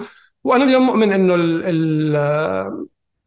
اللغة هي حقل الغام يعني اللغ- اللغة هي بتحم يعني أنت بتقدر تثقل وعي شخص فقط من من الطريقة اللي أنت بتحكي فيه معاها والكلام اللي بتحكي له إياه بغض النظر الشخص وين موجود يعني. وهذا الإشي آه، هذا الإشي اللي خلاني آه، أعطي أكثر اهتمام آه، للغة. وهون أصلا بدأت قصه الإخلاء والاخلاء والتهجير. يعني كان في آه، آه، كبيرة طويلة عريضة إنه أنا كنت رافض كلمة إخلاء و... و... وكثير ناس ويمكن معهم حق بس كثير ناس إنه أنت شو يعني الناس عمالها بتت... بتنرمى من بيوتهم وأنت فارق عليك إذا بنحكي إخلاء أو تهجير. بس أنا بالنسبة لي كان في كلمة إخلاء في آه، آه، سلطة قانونية. إنه أنت عشان تقدر تخلي حدا لازم يكون عندك آه، سلطة قانونية. وهذا الإشي بتحمل في وعي المشاهد نوع من أنواع كمان مرة السلطة القانونية اللي بت بت بتسمح ل ال- الإسرائيلية يطحونا من بيوتنا لكن بالنهاية آه، كلمة إخلاء ما ما ما بتفهمك إنه في احتلال ما بتفهمك إنه أصلا هم فيش عندهم سلطة قانونية ما بتفهمك إنه أصلا في 100 100 جندي رح يكونوا يجوا يرموك بين البيت يعني. و وحتى هاي حتى هذا ال- التناقض البسيط بين كلمة إخلاء وتهجير ساعدنا نجابه ال- الرواية تبعت وزارة الخارجية الإسرائيلية لأنه وزارة الخارجية الإسرائيلية سمت الموضوع ب 2021 real estate dispute يعني آه، مناوشة على العقارات أو مشاكل بين آه، عدم اتفاق على العقارات. وإحنا استعملنا هذا ال- السطر عشان لهم إنه ال- الناس لما تتطاوش على العقارات هيك بيكون شكلها يعني إنه واحد من أمريكا من أمريكا جاي مع كتيبة آه، شرطة بده يطحينا من بيوتنا وعماله بيحكي خزعبلات دينية و وسخام البين. يعني هذا ال... أنا فكر كمان مرة هذا رأيي الشخصي ويمكن كثير ناس ما بتدفع بس أنا بفكر ال- ال- اللغة هي أهم من أهم ال- الساحات اللي ممكن نجا- نجابه عليها. طبعا لا تستبدل يعني ال... ال... البندقية تفهميش غلط بس بفكر إنه هي مهمة بشكل يعني كبير. لا مهم مهم كثير هلا انت ذكرتني في اسرائيل بروجكت أنا كنت منبهر بالمناسبة بهذا المشروع دائما. يعني كنت بتطلع عليه إنه آه إنه أنا آه آه كانوا شاطرين بشكل مرعب يعني إنه أنت أنا بتذكر في صورة اللي صفنت فيها لن أنساها. يعني كانت لإلي درس في البروباغندا آه، عشان هيك أنا ممكن اجادلك أكثر ما اجادل مثلا المقابلينك بقضية إنه كيف نبني بروباغندا أو إذا بدنا نقدم حقائق أو ما بدنا نقدم حقائق. جابوا بتذكر في صورة على حاجز كولنديا آه، جندية وكلب وحاجز كولنديا ودور على حاجز كولنديا دور كبير على حاجز كولنديا والجندية عم تعطي تفاحة خضراء للكلب والبوست فعليا جانب إنساني على فكرة إنه كيف الجندية خلال عملها بتهتم في الكلاب اللي موجودة في المنطقة وكذا. أنا لما قريتها جمال الصورة يعني على مستوى جودة وذكاء اختيارها المشهد كيف معمول والاسطوره اللي مكتوبة على مستوى اللغة أشغلتني عن إني أطلع حتى على سرب الناس اللي واقفة على الدور. فأنت بتصير تشوف إنه شوي لا إحنا يعني هون مش عم نحكي عن عن مجرد إشي عابر أو عن عن مجرد لغة يعني وهيك. بس أنت عم بتقلي إنه انفتاحك عن البروباغندا أو انفتاحك على اللغة السياسية مش البروباغندا عن اللغة السياسية كانت آه، شكلتها من التعرف على اللغة السياسية اللي بيستخدموها الإسرائيليين آه، آه، وبلشت فعليا تشتغل الإشي عكسي. مية يعني مية مية بالمية. أنا بفكرش بروباغندا كلمة سيئة. بفكر إنه هي هي وسيلة وأداة كتير مهمة والإسرائيلية مش هم اللي اخترعوها وهم يعني آه، أعادوا تصنيعها. يعني مش إشي جديد وأنا بفكر إنه إحنا الحق آه، في في جانبنا وإحنا أصحاب الحق وإحنا كل كل هذا. لكن أنا بفكر إحنا بنحتاج أكثر من بس الحق. إحنا بنحتاج أكثر بكثير من بس إنه نكون على حق. لأنه في كثير ياما ياما ناس آه، ماتت مظلومة. آه ومن غير من غير ما تكون قوي طب بجانب اللغة في إشي تاني صار واضح لي شوي معالم الطريق اللي بدي يعني اللي اللي اللي قادر أشوف محمد اليوم كيف عم بتعاطى فيها. بس من ناحية تانية في معلم في أساليب خطابة. وفي attitude بالصحافة والإعلام. ضليتك انت بتشبهنا يعني هيك بقول إنه ما في فوارق كتير من بال بال بالنشأة بهذا الولد الهلفوت اللي بنطوا بزبرنا على جرس وبهرب تمام؟ أو بيحكي قدام الكاميرا بشكل بسيط وعادي. بس مرحلة آه، آه، تقديم اللغة اللي هو كمان تحدي آخر مش بس المهم إنك تعرف ثقافة وتعرف لغة كيف تقدمها وكيف تحكيها وكيف تدخل مناظرات. هذا السياق آه، آه، لحالك تعلمته اشتغلت فيه على حالك أو فعليا آه، تعلمته من مكان ما؟ مرة كان في بال مرة كان في هيك حصة كنت كنت كنت ماخذ كورس communication تواصل بالجامعة وكان في حصة حصة من هالحصص بالكورس إنه درس من الدروس كان عن ال logical fallacies المغالطات المنطقية. بس هيك حصة واحدة كان في 13 مغالطة منطقية. وأنا يعني انبهرت بالموضوع إنه شو يعني غلطات منطقية يعني إنه أنت بزبطش إذا أنا بدي بدي أناظرك بزبطش أسب عليك ما أنا كل اللي بعرف أسب يعني. بعدين إنه أنت بزبطش يعني أحط بزبطش أحط كلمه بتمك بزبطش أفتري عليك طيب هاي كل هالاشياء ما كنتش أعرفها. فبعدين صرت أدرس المغالطات المنطقية وصرت أستعملها يعني. هو أصلا كل كل سلاح الإسرائيلية ضدنا في الإعلام هي هي مغالطات منطقية مغالطة منطقية واحدة اسمها بالإنجليزي وأنا اسمها بالإنجليزي red herring بعرف شو اسمها بالعربي. red آه، herring يعني سمكة هذا السمك اللي له ريحة عاطلة. والمغالطة المنطقية جاي من فكرة إنه كانوا صي... كان في يعملوا بالزمانات آه، أظن إذا أنا فاهم القصة صح كان بالزمانات يكون في آه، سباق صيد سباقات صيد. يعني يجيبوا ال... يجيبوا ال... يجيبوا يجيبوا صيادين يعملوا مسابقات صيد وكان حدا يحط يا إما سمكة يا إما يا اما يا إما شو اسمه أرنب معفن أو شيء بنص طريق الكلب عشان الكلب إنه يلتهي بالريحة المعفنة ويلتهي عن السباق ويلتهي عن خط النهاية وهيك بصير معنا إنه أنت يعني إنه بقتلوا شيرين أبو عاقلة في مخيم جنين و... وإحنا بنصير بنصير بعدين بيسالوا طب هي ليش كانت بمخيم جنين أصلا؟ فإحنا بنصير نقول هي صحفية وشغلها وأبصر شو وبننتبهش حالنا انه إحنا انتهينا إنه ضيعنا إحنا خط النهاية نهائيا. مثلا آه لما قبل أسبوعين كان في آه، شاب صغير اللي اللي حفروا على جلده نجمة داوود آه، طلعت ال- الشرطة بيان إنه لا هذا مش مش شفرة هذا من من من قاع البوت هذا من آه، ال- الحذاء يعني. وشفت الناس صارت تقول أصلا الحذاء بيعملش هيك وابصر طب طب إن هم بيعملوا هيك أصلا عشان يشتتونا عشان يلغوا إن يعني يلغوا تقدمنا في ال في ال يعني في, هذه ال- نقول المسابقة يعني تعال نسميها مسابقة. وإحنا بدل ما ننتبه على هذا الشيء لا بنصير نخوض معهم وهيك هو الشيء واضح إنه أصلا يعني آه، غير منطقي. بس بنخوض فيه وبنضيع الهاي. وبعدين بعد بعد أسبوعين رح يطلعوا يقولوا إنه آه يا حرام حفروا على وجهه بالشفره ورفضناهم من الشرطه أو آه يا حرام حفروا على وجهه بالشفره بس اللي عمل هيك يعني عنده اضطراب نفسي أو أو كذا. فإحنا لازم نتمسك بروي برويتنا ما ما نطلع على يعني ما نتشتت بكل هاي ال- المحاولات لتشتيتنا. هذا هاي الأشياء أنا فكر كثير كثير ساعدتني خصوصي بموضوع معاداة السامية يعني. هلا هذا ملف معاداة السامية بدك يعني بدك تحكي فيه كتير بدك تحكي لي عنه كتير هذا لأنه الصراحة أنا بالشجاعة هاي اللي, اللي أنت بتخش فيها شمال يعني آه، صعبة علي. بس أنا أحكي لك إنه آه، وأنت قاعد بتحكي كان عندي وقت عبد الله أبو التين كان في إشكال يعني اللي هو طبيب طلع من المستشفى في مخيم جنين حمل سلاح وطلع يشتبك. هو لساته بأرض المستشفى. فكان في حالة إنكار أو حالة نفي بالكامل لقضية إنه إنه هو حامل سلاح زي كأنه بنحب كتير إنه بالروب الأبيض و- وتصورنا صعبة إنه هو ممكن يحمل روب أبيض وطه في حالة آه، في حالة كمان آه، في حالة شيرين مش المشهد بإنه كيف قدموا الرواية بس لما قالوا آه، ممكن تكون الرصاصة إجت من غير من آه، من خلال الاشتباكات اللي موجودة ال- الرواية مقنعة وإحنا عنا كمان يعني بنعرف إنه الشباب عنا كيف ممكن شكل الاشتباكات ممكن تكون. فلإلك كمان أنت بترجع هم بحطوك على أرضية وأنت بتخوضها. آه، في كتير مشاهد مثل هيك ويمكن أكتر شيء بعمليات الدهس إنه هم كيف كانوا بيختاروا دائما إنه آه، آه، كل عملية دهس أو كل عملية قتل أو إعدام شاب فلسطيني على الحاجز حتى آخرها اللي شفناها في القطار إنه دائما يكون هذا في عملية طعن أو انشغل على إنه في رواية دائما لتغطية أي عملية إعدام.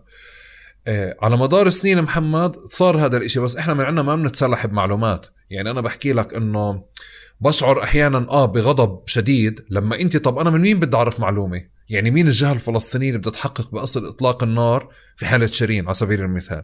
عبد الله أبو التين لما بتطلع النتيجة بشكل عكسي إنه أنت كانت الناس بتنفي فعليا قصة السحب أنت بت ببطل عندك ثقة أصلا بالإعلام تبعك. يعني طب أنا من وين كمان بدي أجيب الم- المصدر أو المعلومة؟ في الوقت اللي بتشوف آه، آه، يمكن أنا بدي أطلع لبرا بشوف أمنستي كيف عم بيشتغلوا عليها الإسرائيليين بقضية أوكرانيا. كل ما حكت كلمة. تمام؟ كل ما حكت كلمة بيجيبوا لها ملف أوكراني. أنتم مش عم تحكوا على روسيا كذا مش عم تعملوا كذا في شيء أوكراني هناك ليش عم تحكوا بفلسطين ومش فطول الوقت عم بدفعوهم باتجاه تاني وبقدموا روايات مختلفة. فالجماعة مش عم بيشتغلوا بس علينا عم بيشتغلوا كمان بمكان تاني آه، آه، وشيء تاني. بال بال بالإعلام محمد شفت إنه أنت تدرجت وصولا عند محل اللي كان فيه تكتيكس اشتغلت عليهم وصولا اليوم إنه أنت يمكن كيف حكيت لأنه أريح أو أو بتنتقي أكثر المنصات اللي بدك تطلع عليها أو لا. بس آه، اللي فهمته إنه انت بكون عندك جولة تحضير كتير كبيرة. ما زالت هذه لليوم؟ آه طبعا طبعا. يعني دائما طبعاً. قبل ما تطلع بكون في يعني آه، جولة آه، أنا في story شفتها بعرفش عندك أو عند منى. ب 2000 و... وقت ال CNN يمكن لما كان في notes هيك موجودين على جنب الشاشة. فلإلي أعطاني ثقة أكثر بأنه الشخص اللي قدامي عارف شو عم بيعمل ومن هون أنا بلشت أكثر أتبع إنه إنه أنت شو عم تحكي. آه، ودارس شو عم بعمل ومش بس مجرد شاب اللي هو من الناس المتحمس اللي عم بزت حكي. بس إذا بدي أرجع للإعلام شو اللي خلاك أول شيء أصلا تفكر بالتحضير؟ إيش خليني أفكر أحضر المقابلة؟ من الأساس أصلا كل فكرة المقابلات. يعني الناس بتطلع على المقابلات وبتحكي بتجاوب على ثلاث أربع أسئلة وخلص. بس ما بتيجي تعمل الاحتمالات اللي أنت بتعمله. لا لأنه يعني كل كل كل مقابلة لها هدف معين في لها جمهور معين كل بزبط أنت تطلع تحكي يعني تهبل على التلفزيون. يعني أنت بيعطوك دقيقة ود- ودقيقة استجواب مش مقابلة هم بيستجوبوك. وأنت لازم يكون عندك فكرة عن إيش بدك تحكيه يعني في في كثير في كثير أشياء مختلفة اللي اللي بعملها. اولا اولا في رفض كامل يمكن خف شوي باخر كم من آخر كم من شهر بس بالعادة في رفض كامل إنه آه، يكون الإشي فرداني. يعني الأشياء اللي بدي أحكيها دائما بكتبها وببعتها لكتير ناس اللي هم يعني أكثر ناس نقديين بالعالم اللي يساعدوني آه، اللي يساعدوني أصيغ إنه يقولوا لي إذا في ثغرات بال... بال... بالكلام بشكل أو بآخر. بس الأهم من هيك أصلا هي المناورات الاجتماعية اللي أنت بدك تعملها قبل. قبل المقابلة. يعني مثلا مقابلة سي إن إن اللي هي كانت كثير مقابلة كبيرة ما كانت رح تصير لولا صار في نصب واحتيال من تجاهي قبل المقابلة. يعني أنا عملت مقابلة هم بيطلبوا منك بالقبل إنه تعمل مقابلة تحضيرية. أول شيء. وثاني شيء بطلب منك دائما المقابلة تكون مسجلة. فأنا اولا قلت لهم إنه مستحيل أعمل مقابلة مسجلة. آه، عندي اخترعت عذر إنه عندي اجتماع أبصر شو بزبطش بزبطش إلا أعملها لايف وفعلا طلعت وعملت مقابلة تحضيرية وقلت لهم كل شيء بدهم يسمعوه لأنه هم لما يعملوا لك مقابلة تحضيرية هم بدهم يتأكدوا إنه أنت مش رح تطلع تخزيهم على التلفزيون. طبعا قلت لهم كل شيء يعني إحنا بدنا إحنا بنحب السلام و... و... ومنحبش الإرهاب وبلا بلا بلا. وبعدين أنت بتطلع على التلفزيون وبتحكي اللي بدك إياه بهالدقيقة ونص وبتعرف إنه مستحيل تخلي المقابل يواجهك أو يوجهك أو يحشرك بالزاوية. مستحيل إنه أنت بدك تعرف إنه أنت مش طالع تدافع عن حالك أنت مش متهم في محكمة. أنت طالع تحكي ثلاث نقاط أساسية نقطتين أساسيات اللي أنت عارفهم من قبل طالع تحكيهم وهذا هو. بس في مناورات يعني اللي هي بتعملها قبل المقابلة عشان يسمح لهذا الإشي يصير. أنا بخليش يعني منصة تعتب علي الصراحة إلا إذا كان في يعني مشاكل آه، تطبيعية أو مشاكل أخلاقية بس أنا فكر إنه إحنا مهم جدا نوصل لأي جمهور نقدر نوصل له ونحكي له اللي بدنا إياه وإذا هذا الإشي بيعني إنه أنا لازم يعني أكذب لي كذبتين على تبعت السي إن إن عشان تخليني أطلع على التلفزيون بكذب كذبتين مش فارقه علي يعني. الله بسامحني بعدين. طب محمد محمد هاد المؤسسات الإعلامية بكل مكان ممسوكة من من رؤوس أموال وكمان بسياسات بكل محل. آه، إذا بدي أحكي بنفع تعطيني هيك خارطة لكبرى المنصات اللي آه، اللي إلها تأثير يعني معانا أو عليه أو ضدنا؟ عموما كلهم ضدنا يعني. تعال تعال نبدأ بال تعال نبدأ بال... بالأول يعني إنه يعني الاكبر الأكبر مشاهدة هم CNN BBC وال New York Times يعني هم اللي بيصيغوا الخطاب اللي بينتقوه باقي الناس بعدين. يعني إذا أنا فهمي لل للساحة الإعلامية في أمريكا وفي في العالم الغربي صح؟ هم هدول هم المنصات اللي بتصدر الخطاب أو بتصدر الفهم السياسي وال للمنطقة. يعني هي هدول هي المنصات. وفي منصات أصغر اللي هي يعني عندها توجهات أكثر مناصرة للفلسطينيين آه، وطبعا بتفاوت وفيش حدا يعني آه، ماسك سلاحه ونازل يعني. آه، بس في يعني في في في شيء وشيء يعني. أنا أنا مثلا بطلع بطلع على CNN live هي مرة واحدة ما عملوش رجعوا عزموني يعني بس بطلع على CNN live لأنه بعرف إنه live مش رح يقدروا يقصقصوا الكلام ومش رح يحطوني يعني بخانة معينة. بس مثلا مستحيل أعطي مقابلة ل New York Times لأنه أنا بعرف من من جهات داخلية من مصادر داخلية إنه هم عندهم أجندة آه، ضد الفلسطينيين ومناصر للصهيونية. واصلا لو فيش هاي المصادر اللي تحكي لي هيك واضح جدا من من من عملهم ومن آه، سيرورتهم فأنا مستحيل يعني أحط حالي بموقف إنه يستعملوا كلامي ضدي أو أو يستعملوا كلامي يقتلوني. وأنا كمان بتساءل على دور ال ال الصحفيين الفلسطينيين اللي بيروحوا يشتغلوا بهاي المنصات طبعا هذا موضوع شائك لأنه أنت بدكش تطلع لحدا بلقمة عيشه يعني وبدكش تزاود على حدا فقط لأنه يعني عماله بحاول يطلع آه، معيشة بس بالنهاية أحيانا هذه المنصات تستعملنا ك بقولوا بالإنجليزي بونز يعني بيستعملونا ك ك يعني بيستعملونا كيف بشوفونا؟ كيف بيقدمونا؟ كيف بشوفونا؟ بنفع هيك تحكي لي يعني بيرسونا ل لكل لكل منصة. أنت كيف تتخيلها وكيف تعرفها؟ أنا أنا بفكر إنه ده إنه المعادلة اللي عندهم إنه في واحد أنت واحد من اثنين. يا أما أنت الضحية المولولة اللي عمالها بتخسر كتير لكن بالرغم من خسارتها آه، قلبها مليء بالحب والحنان. يا إما أنت الغاضب آه، الإرهابي آه، ال- الإسلامي زيادة عن اللزوم المرعب المخيف. وهم على هذا ال- على هذا ال- النهج بيواجهوا أسئلتهم لإلك. إنه إذا هم ما قدروا آه، يكسبوك كال كالغاضب اللي راح يع- يعزز الستيريوتايب تبعك كأنك الصورة النمطية تبعتك كأنك آه، شرير وبتخوف و9/11 وهيك راح يحاولوا يخلوك آه، تستعطف وتبكي وتحزن وما إلى ذلك.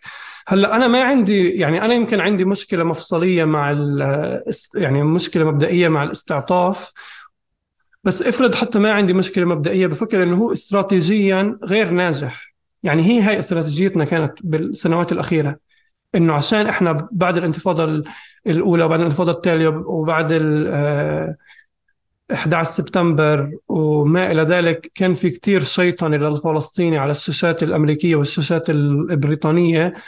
آه، صارت استراتيجيتنا المضادة إنه إحنا نطلع ب... باكثر صورة ملائكية ممكنة. لكن هاي الصورة الملائكية بتقلص سقف إنسانيتنا. إحنا بنقول إنه إحنا بس نطلع ونحكي عن أطفالنا ونسائنا المقتولين ال... ال... الضحايا. و... و... وننسى شبابنا ورجالنا. إحنا من أنسن الفلسطينيين لكن إحنا بالفعل منقلص إنسانيتنا. نحرمنا من هاي الإنسانية. لما نقول إنه إحنا فلسطينية لكننا مش غاضبين لكننا آه، ما بنرد الصعصعين لكننا آه، بنعطي بنعطي الخد الثاني إحنا عمالنا بنقول إنه الصفات الإنسانية كالغضب والكراهية الصفات الإنسانية الطبيعية كالحقد كالمقاومة كالدفاع عن النفس هي آه، مش من حقوقنا ومش إنسانية ومش من حقوقنا. وأنا أفكر هاي للأسف آه، استراتيجية آه، مش ناجحة. وأنا طبعا أنا أكبر عينة مش أكبر عينة بس أنا واحد من هدول العينات يعني إنه أنا كان عمري يمكن 11 12 سنة أخذوني على البرلمان الأوروبي وأخذوني على الكونغرس وأنا صغير عشان بحكي يعني كلمتين ونص بالإنجليزي. و- وحكوا لي إنه سألوني أحكي عن أحكي عن كيف المستوطنين بضايقوكم وأحكي كيف كذا وأبصر كيف. و... وأنا صغير يعني كنت أفكر إنه والله يعني شو أنا يعني أفلاطون زماني إنه عمري 14 سنة ومطلعيني بال- بالبرلمان. بس بعدين فهمت إنه لا في هون عنصرية عنصرية جوهرية اللي بتمنع السياسيين والدبلوماسيين وال... وال...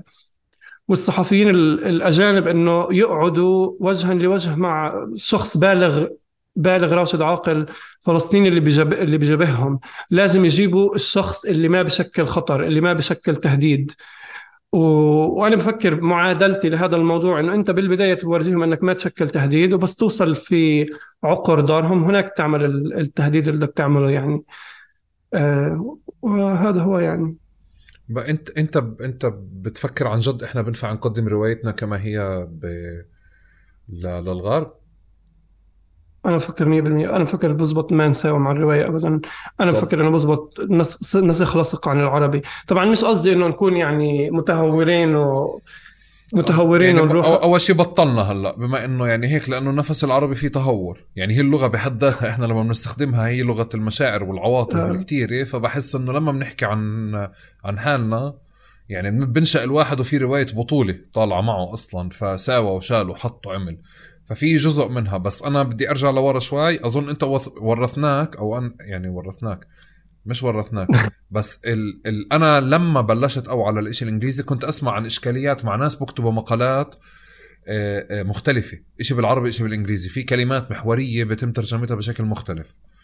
فبعدين صار في مناظرات ومزايدات بهذا الوسط اللي كتير صغير إنه ما بنفع يا جماعة تحكوا هون إشي وهون إشي وهون في استخفاف في في ال- الشاب العربي أو الشاب الفلسطيني وهناك بالآخر يعني خلص. هلأ مع ال social media صار الخطاب واحد. أحمد البيقاوي بطل بنفع يحكي تويت بكذا وإشي بكذا مع زر ال translate. أنت بأنو مرحلة بلشت تتعاطى معنا؟ من من لما كان بنفع الواحد يكتب مقال بالإنجليزي وما حدا يقرأه؟ ما, ما نعرفش عنه. إنه أنا ممكن أكتب مقال بالإنجليزي. قصدي لا اسمع. انت أنت لحقت النشطاء اللي موجودين الفلسطينيين اللي موجودين برا اللي كانوا بيكتبوا مثلا آه، مقال بالإنجليزي وبيعتمدوا على إنه ما حدا بيقرأه بالعربي. يعني بيكتبوا بالإنجليزي شيء وبيحكوا بالعربي شيء لحقتوا هاد؟ ما بع... يعني ما بعرف إذا أنا كنت آه، واعي إنه في يعني شيء إنه في أمل إنه ما حداش رح يقرأه. بس كنت دائما واعي إنه آه في في خطابين في خطاب بالعربي وفي خطاب بالإنجليزي وفي آه وفي شرخ كتير كبير حتى لما بدينا حملة الشيخ جراح كان واضح إنه منى كان كان لها أسهل شوي آه تحكي اللي بدها هي بالمقابلات كان لها أسهل شوي آه ما تلاقي مجابهة من الصحفيين باللغة العربية بينما أي حدا تاني بحكي. بعمل مقابلات باللغة الإنجليزية كان في أكثر يعني حلقات اللي أنت مجبور تنط تنط جواتها. وأنا يعني كمان مرة عندي هوس بالكلمات وعندي هوس إنه الواحد يحكي الشيء بشكل حرفي هذا دور من الأدوار. ثاني شيء إنه أنا فكر إنه أنا مدين لل... للشارع للشارع اللي يعني آه، مدين إنه نحكي الرواية كما هي إنه أنا مدين إنه أطلع الإشي حرفيا زي ما هو. طبعا كمان مرة قصدي مش يعني أتهور إنه أروح أقول خيبر خيبر يا يهود آه، في نص منهاتن لأنه هاي ما لهاش يعني أصلا تبعيات آه، إيجابية ولا هون ولا هناك. بس قصدي إنه يعني الرواية تكون زي ما هي يعني إذا إحنا ب إذا إحنا عندنا ثقافة شهيد معينة ليش نخبيها بالإنجليزي؟ آه، إذا إحنا عندنا آه، نظرة معينة على المقاومة المسلحة ليش نغيرها بالإنجليزي؟ هذا بس بضعفنا. والشيء اللي نقدر نتعلمه من أولاد عمنا إنه الهسبرا الشرح الشرح بحلل كل شيء. إنه أنت إذا شرحت الإشي انتهى. لما لما بال 2014 قصفوا قصفوا آه، أربع أولاد صغار على شط من شواطئ غزة وقتلوهم. وهم بيلعبوا كرة قدم. طلعوا ببيانات وابصر شو مش تخبوا ورا ورا أصابعهم. طلعوا ببيانات شرحوا ليش عملوا هيك وبالصدق وفجأة صار الإشي يعني خلص مقبول وشرعي لأنه شرحوا هذا الإشي إحنا بفكر إحنا بنقدر نستفيد منه يعني. آه...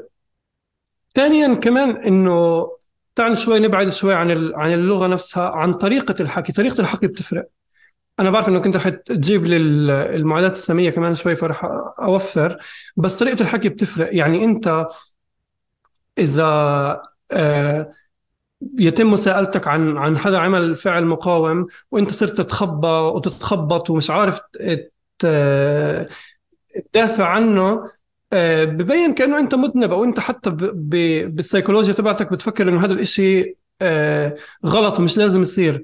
بينما إذا أنت كنت متبجح ورافع راسك ومش فارقة معك وهيك يعني خاوة هذا بال بالسايكي تبعت المشاهد على التلفزيون ببين إنه أنت معك الحق لأنه أنت عمالك بتوجه المكالمة أنت عمالك بتوجه المحادثة أنت عمالك بت بتحط شروط الاستجواب وهذا بالنسبة لمشاهد ما له أي معلومات ضمنية عن فلسطين أو عن عن الصهاينة أو عن شيء فقط من هذا البرفورمانس فقط من هذا التمثيل اللي ببينك أنت في آه، في خانة القوة هذا بيساعدك أنا بفكر يعني.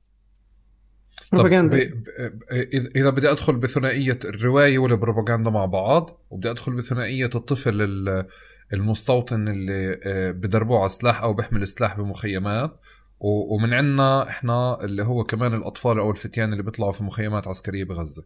أوكي؟ بطلع الاثنين بتم تقديمهم. إحنا إذا طلعت صورة بنتبهدل عليها يعني بالعالم لفترات طويلة بس بنكون شايفين كمان صور مقابلة حتى ما بنستحضرها. يعني ما بنستخدمها. إيه، هون أنت كيف تتعاطى مع الثنائية هاي؟ يعني أول أول شيء الواضح إنه يعني آه، مش بس يحق لليهودي ما لا يحق لغيره بس واضح إنه الفلسطيني في في المخيلة الغربية خصوصا الأمريكية هو مش إنسان فلا يحق له الأشياء الإنسانية مثل الدفاع عن النفس أو أو السياق الخاص إنه أنت في مخيم عندك سياق خاص تحت احتلال اللي هو بيدفعك توصل لهي المراحل. هذه الأشياء إحنا محرومين منها كفلسطينيين. بس حتى إنساك من من ثنائية شو اسمه الأولاد والسلاح تعال نحكي على شيء أكثر أبسط. بس تصير عملية مقاومة إحنا بنوزع حلو. آه، إمبارح لما الجندي قتل ضحكوا آه، زقفوا وضحكوا. وأنا الصراحه أنا الموضوع هذا بنرفزني جدا جدا جدا لأنه إحنا بنقول يعني إحنا بس يصير هيك بنصير نقول يعني شوفوا المستوطنين بزقفوا ابصر شو. طب ما إحنا بنزقف وإحنا أعداء. إحنا أعداء إحنا بنكره بعض. إحنا في حالة حرب. فانا كثير بتضايق لما لما مثلا حدا يطلع يبرر إنه لا مش الكل بوزع حلو لا مش الكل بيفرح بس آه، يموت إسرائيلي. بغض النظر إذا الكل ولا مش الكل يعني هذا مش ال مش ال مش النقطة مش النقطة اللي ننطلق منها. الفكرة إنه إحنا أعداء وبنكره بعض ومش إنه يشوفوا شو بيحكوا عنا وشوف شو نحكوا عنا. الفرق هو بالفعل. الفرق إنه هم عندهم جهاز ضخم عندهم دولة نووية ومؤسسات عندهم سياسات عندهم قوانين عنصرية. بينما إحنا اللي عندنا إياه هو مشاعرنا وعندنا أحيانا أسلحة يعني بدائية. فهذا الفرق. بس لما إحنا نعصب على بن كفير لما بن كفير قال الحقيقة هذا شو بيقول؟ يعني بن كفير لما قال له سليحا محمد وقال له أنا عندي حقوق أكثر منك بن كفير فقط قال الواقع كما هو. وأنا بنصدم إنه اللغة هالقد بتعمل يعني كركبة في كل العالم إنه إنه الكل صار يحكي إنه تبا لبن كفير كيف بيحكي هيك وال State Department يرفض. محمد هذا جزء من البروباغندا اللي أنت بتحكي عنها كمان. يعني كمان الناس بالفطرة عم تنشئ بروباغندا. اني أني مش فاهم عليك أني بروباغندا. يعني الناس فعليا أنت اللي بقضية الحلو لما بيجوا بيستغلوا مثلا شوفوا الف... ال... شوفوا بن كفير شو حكى ولما بيجوا بيمسكوا من مكان تاني فعليا إنه آه، قضية إنه طلعوا المستوطنين قاعدين بيضحكوا علينا وكذا. فأنت مندهش أو معصب من الناس اللي بتيجي بتقول طلعوا المستوطنين كيف عم بصير. هلأ بفهمك إذا بتيجي بتقول إنه إحنا مش لازم ننجرح أو المشهد عاطفيا مش لازم يهزنا بس إذا بتقولنا كمان مش لازم نقدمه ما هذا كمان بنقدر نقدمه بس أنا فكر إنه كاستراتيجية طويلة المدى هي هي مش استراتيجية يعتمد عليها لأنه بن كفير هو حالة شاذة. طلع من من مؤسسة هالقد بتتعامل باللغة بمتانة. نتنياهو مجرم إيديه بتنق الدم لكنه متحدث يتعامل مع اللغة بمتانة وهي المتانة اللي بتعامل فيها نتنياهو هي هي الحالة العامة في كل الكابينت الإسرائيلية. فإحنا لما نتعامل مع بن كفير بقصوا يعني بقصوا خبر بن كفير وبنتهي بتنتهي القصة. فإحنا تركيزنا مش لازم يكون على على زلات لسانهم لكن لازم يكون على السياسات تبعتهم على الأفعال تبعتهم. وهذا أيضا اللي بيساعدنا نطلع من من من من من معضلة المعاداه السامية. صح؟ لأنه هي أصلا معضلة المعادلات السامية هي بتركز على اللغة. بيجي بقول لك إنه أنت أخذوا بيتك اليهود وهم حاملين علم يهودي. وبدهم يحولوا دولتهم فوق ما هي يهودية بدهم يعملوها يهودية أكثر وبيحكوا عن حالهم يهود. وبقول لك باسم باسم اليهودية إحنا بنعمل فيكم هيك وابصر شو وهم صهاينه وفي نجمه داوود وما إلى ذلك وكل هذه الأمور وانت بيتك اخذوه المستوطنين وانت ستك بالمستشفى بس تعال قبل ما نحكي عن كل هذه الأمور تعال أسألك أنت شو بتحس بقلبك عن اليهود؟ طب بغض النظر أنا ما عندي أنا ما بكره أنا ما بكره حد يعني بس بغض النظر أنا شوف شو شو موجود جوا داخل قلبي. هذا شو بده يأثر يعني؟ أنا قلبي مش كنيسة ما بصن قوانين. مشاعري أنا إن كانت كراهية أو أو حقد أو حتى يعني آه، فانتازيا باطشة بالنهاية ما رح تعمل إشي اللي رح يأثر على شعب بكامله. بينما هم بيستعملوا اللغة وكلمات وردية ومصطلحات جميلة و... و... و... ولطيفة ورحيمة حتى أحيانا لكن سياساتهم تقتل الآلاف وبتهجر مئات الآلاف. وهون هون إحنا لازم نكون شوي حذرين أكثر آه، بالتعامل مع هاي المواضيع يعني. طب معاداة السمية إذا بدي أخذها أنت كيف تحمي حالك من إنه ما ما يصيرش عليك آه، آه، شيء؟ هو صار اوريدي عليك طبعا تقرير آه، وارتصد لك كم إشي وأبصر إيش وهيك بس أنت يعني مش عارف طلعت منها مثل الشعر من العجينة؟ يعني هيك؟ طبعا في الوقت في اللي في ناس بتكون حلقة أخيرة. ما هو هون في خطر شوي إنه بديش أبين حالي إنه أنا يعني أذكى من الناس الثانية ابدا. يعني أكيد ال... الاعتبار الأول إنه أنا فيش عندي أي آه شو اسمه؟ لا أنا لحد... أنا بدي أنا بس خليني اسمح لي شوي. في فارق عمر اللي إحنا ب 2008 لما كنا بالجامعات مثلا. ما كناش نفكر يوم من الأيام إنه الفيسبوك تبعنا أو تويتر ممكن يكون يعني هاي المنصة العامة اللي حدا يجي يحاكمني عليها ويتعاطى معي. كانت الناس بتكتب مشاعر يعني هيك وببروفايلات كتير خاصة. 2011 صارت عامة. أنت كل هذه المسار كنت براه. فانعفيت من هذه المرحلة اللي الناس بتدجدج فيها يعني. وبظن حتى على مستوى شريحة عمرية أغلب الناس اللي آه، مثلا آه، حسام سالم 2008 آه، محمد الشامي مصور في في مصر كمان 2008 2009 شدا حماد كمان شيء كتير قديم. ففي فترة زمنية اللي حتى إحنا كنا نتعاطى مع ال social media بشكل مغاير تماما. أنت كنت خارجها. يعني حسن حظك إنك كنت خارجها. لا في في إلي يعني شوية أنا من 2010 2011 في إلي كم من شغلة يعني بديش أفتح أبواب هلأ. في كم من شغلة موجودة في عندهم مواقع فيها كناري ميشن وأبصر شو في كم من شغلة مكتوبة يعني. وتمام اولا أنا بفكر الفرق عندي إنه أنا فيش عندي آه، أنا مش محكوم من مؤسسة معينة.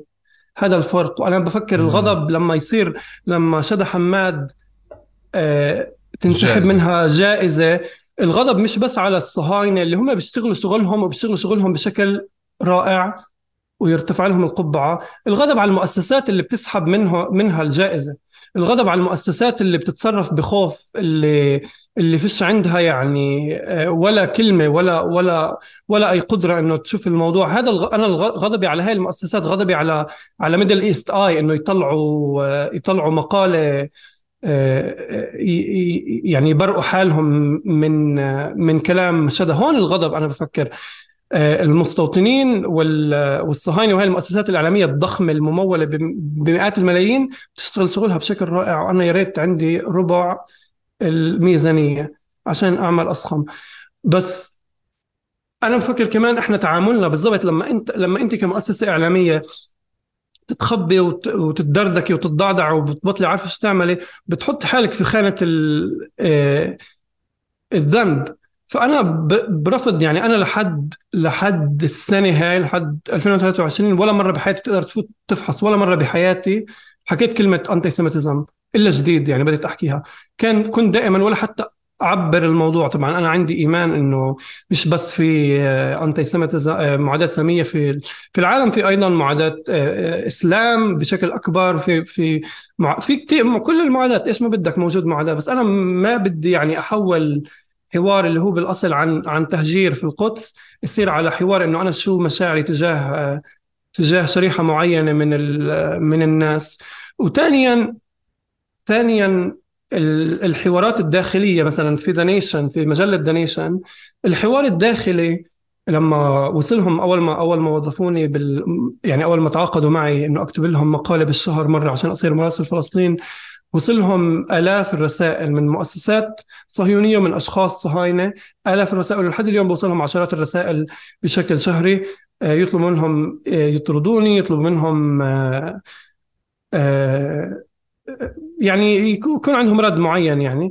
والمحادثات الداخلية بيني وبينهم كانت إنه حتى لو أنا حكيت هيك أنا بيطلع لي لأنه أنا عايش تحت حكمهم ومشاعري وكلامي المؤذي لا يقارن بالأسلحة ولا يقارن بالدبابات ولا يقارن بالحصار.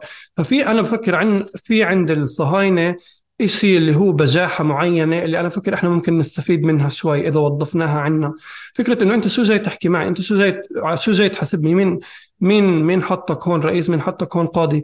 هذا الإشي بيساعدك. كمان كمان مرة بال, بال من ناحية علم يعني أنا مش ملم بالموضوع بس من ناحية علم تصرف وسيكولوجيا وهيك كيف أنت ردة فعلك الجسدية ردة فعل فعلك الجسدية ردة فعل جسدك حركات عينيك لغة جسدك كل هاي بتفرق بكيف أنت بتلقاك المشاهد. فإذا أنت تم اتهامك بمعاداة السامية وأنت تمسخرت على هذا الاتهام في عقل المشاهد هذا الاتهام ينكمش.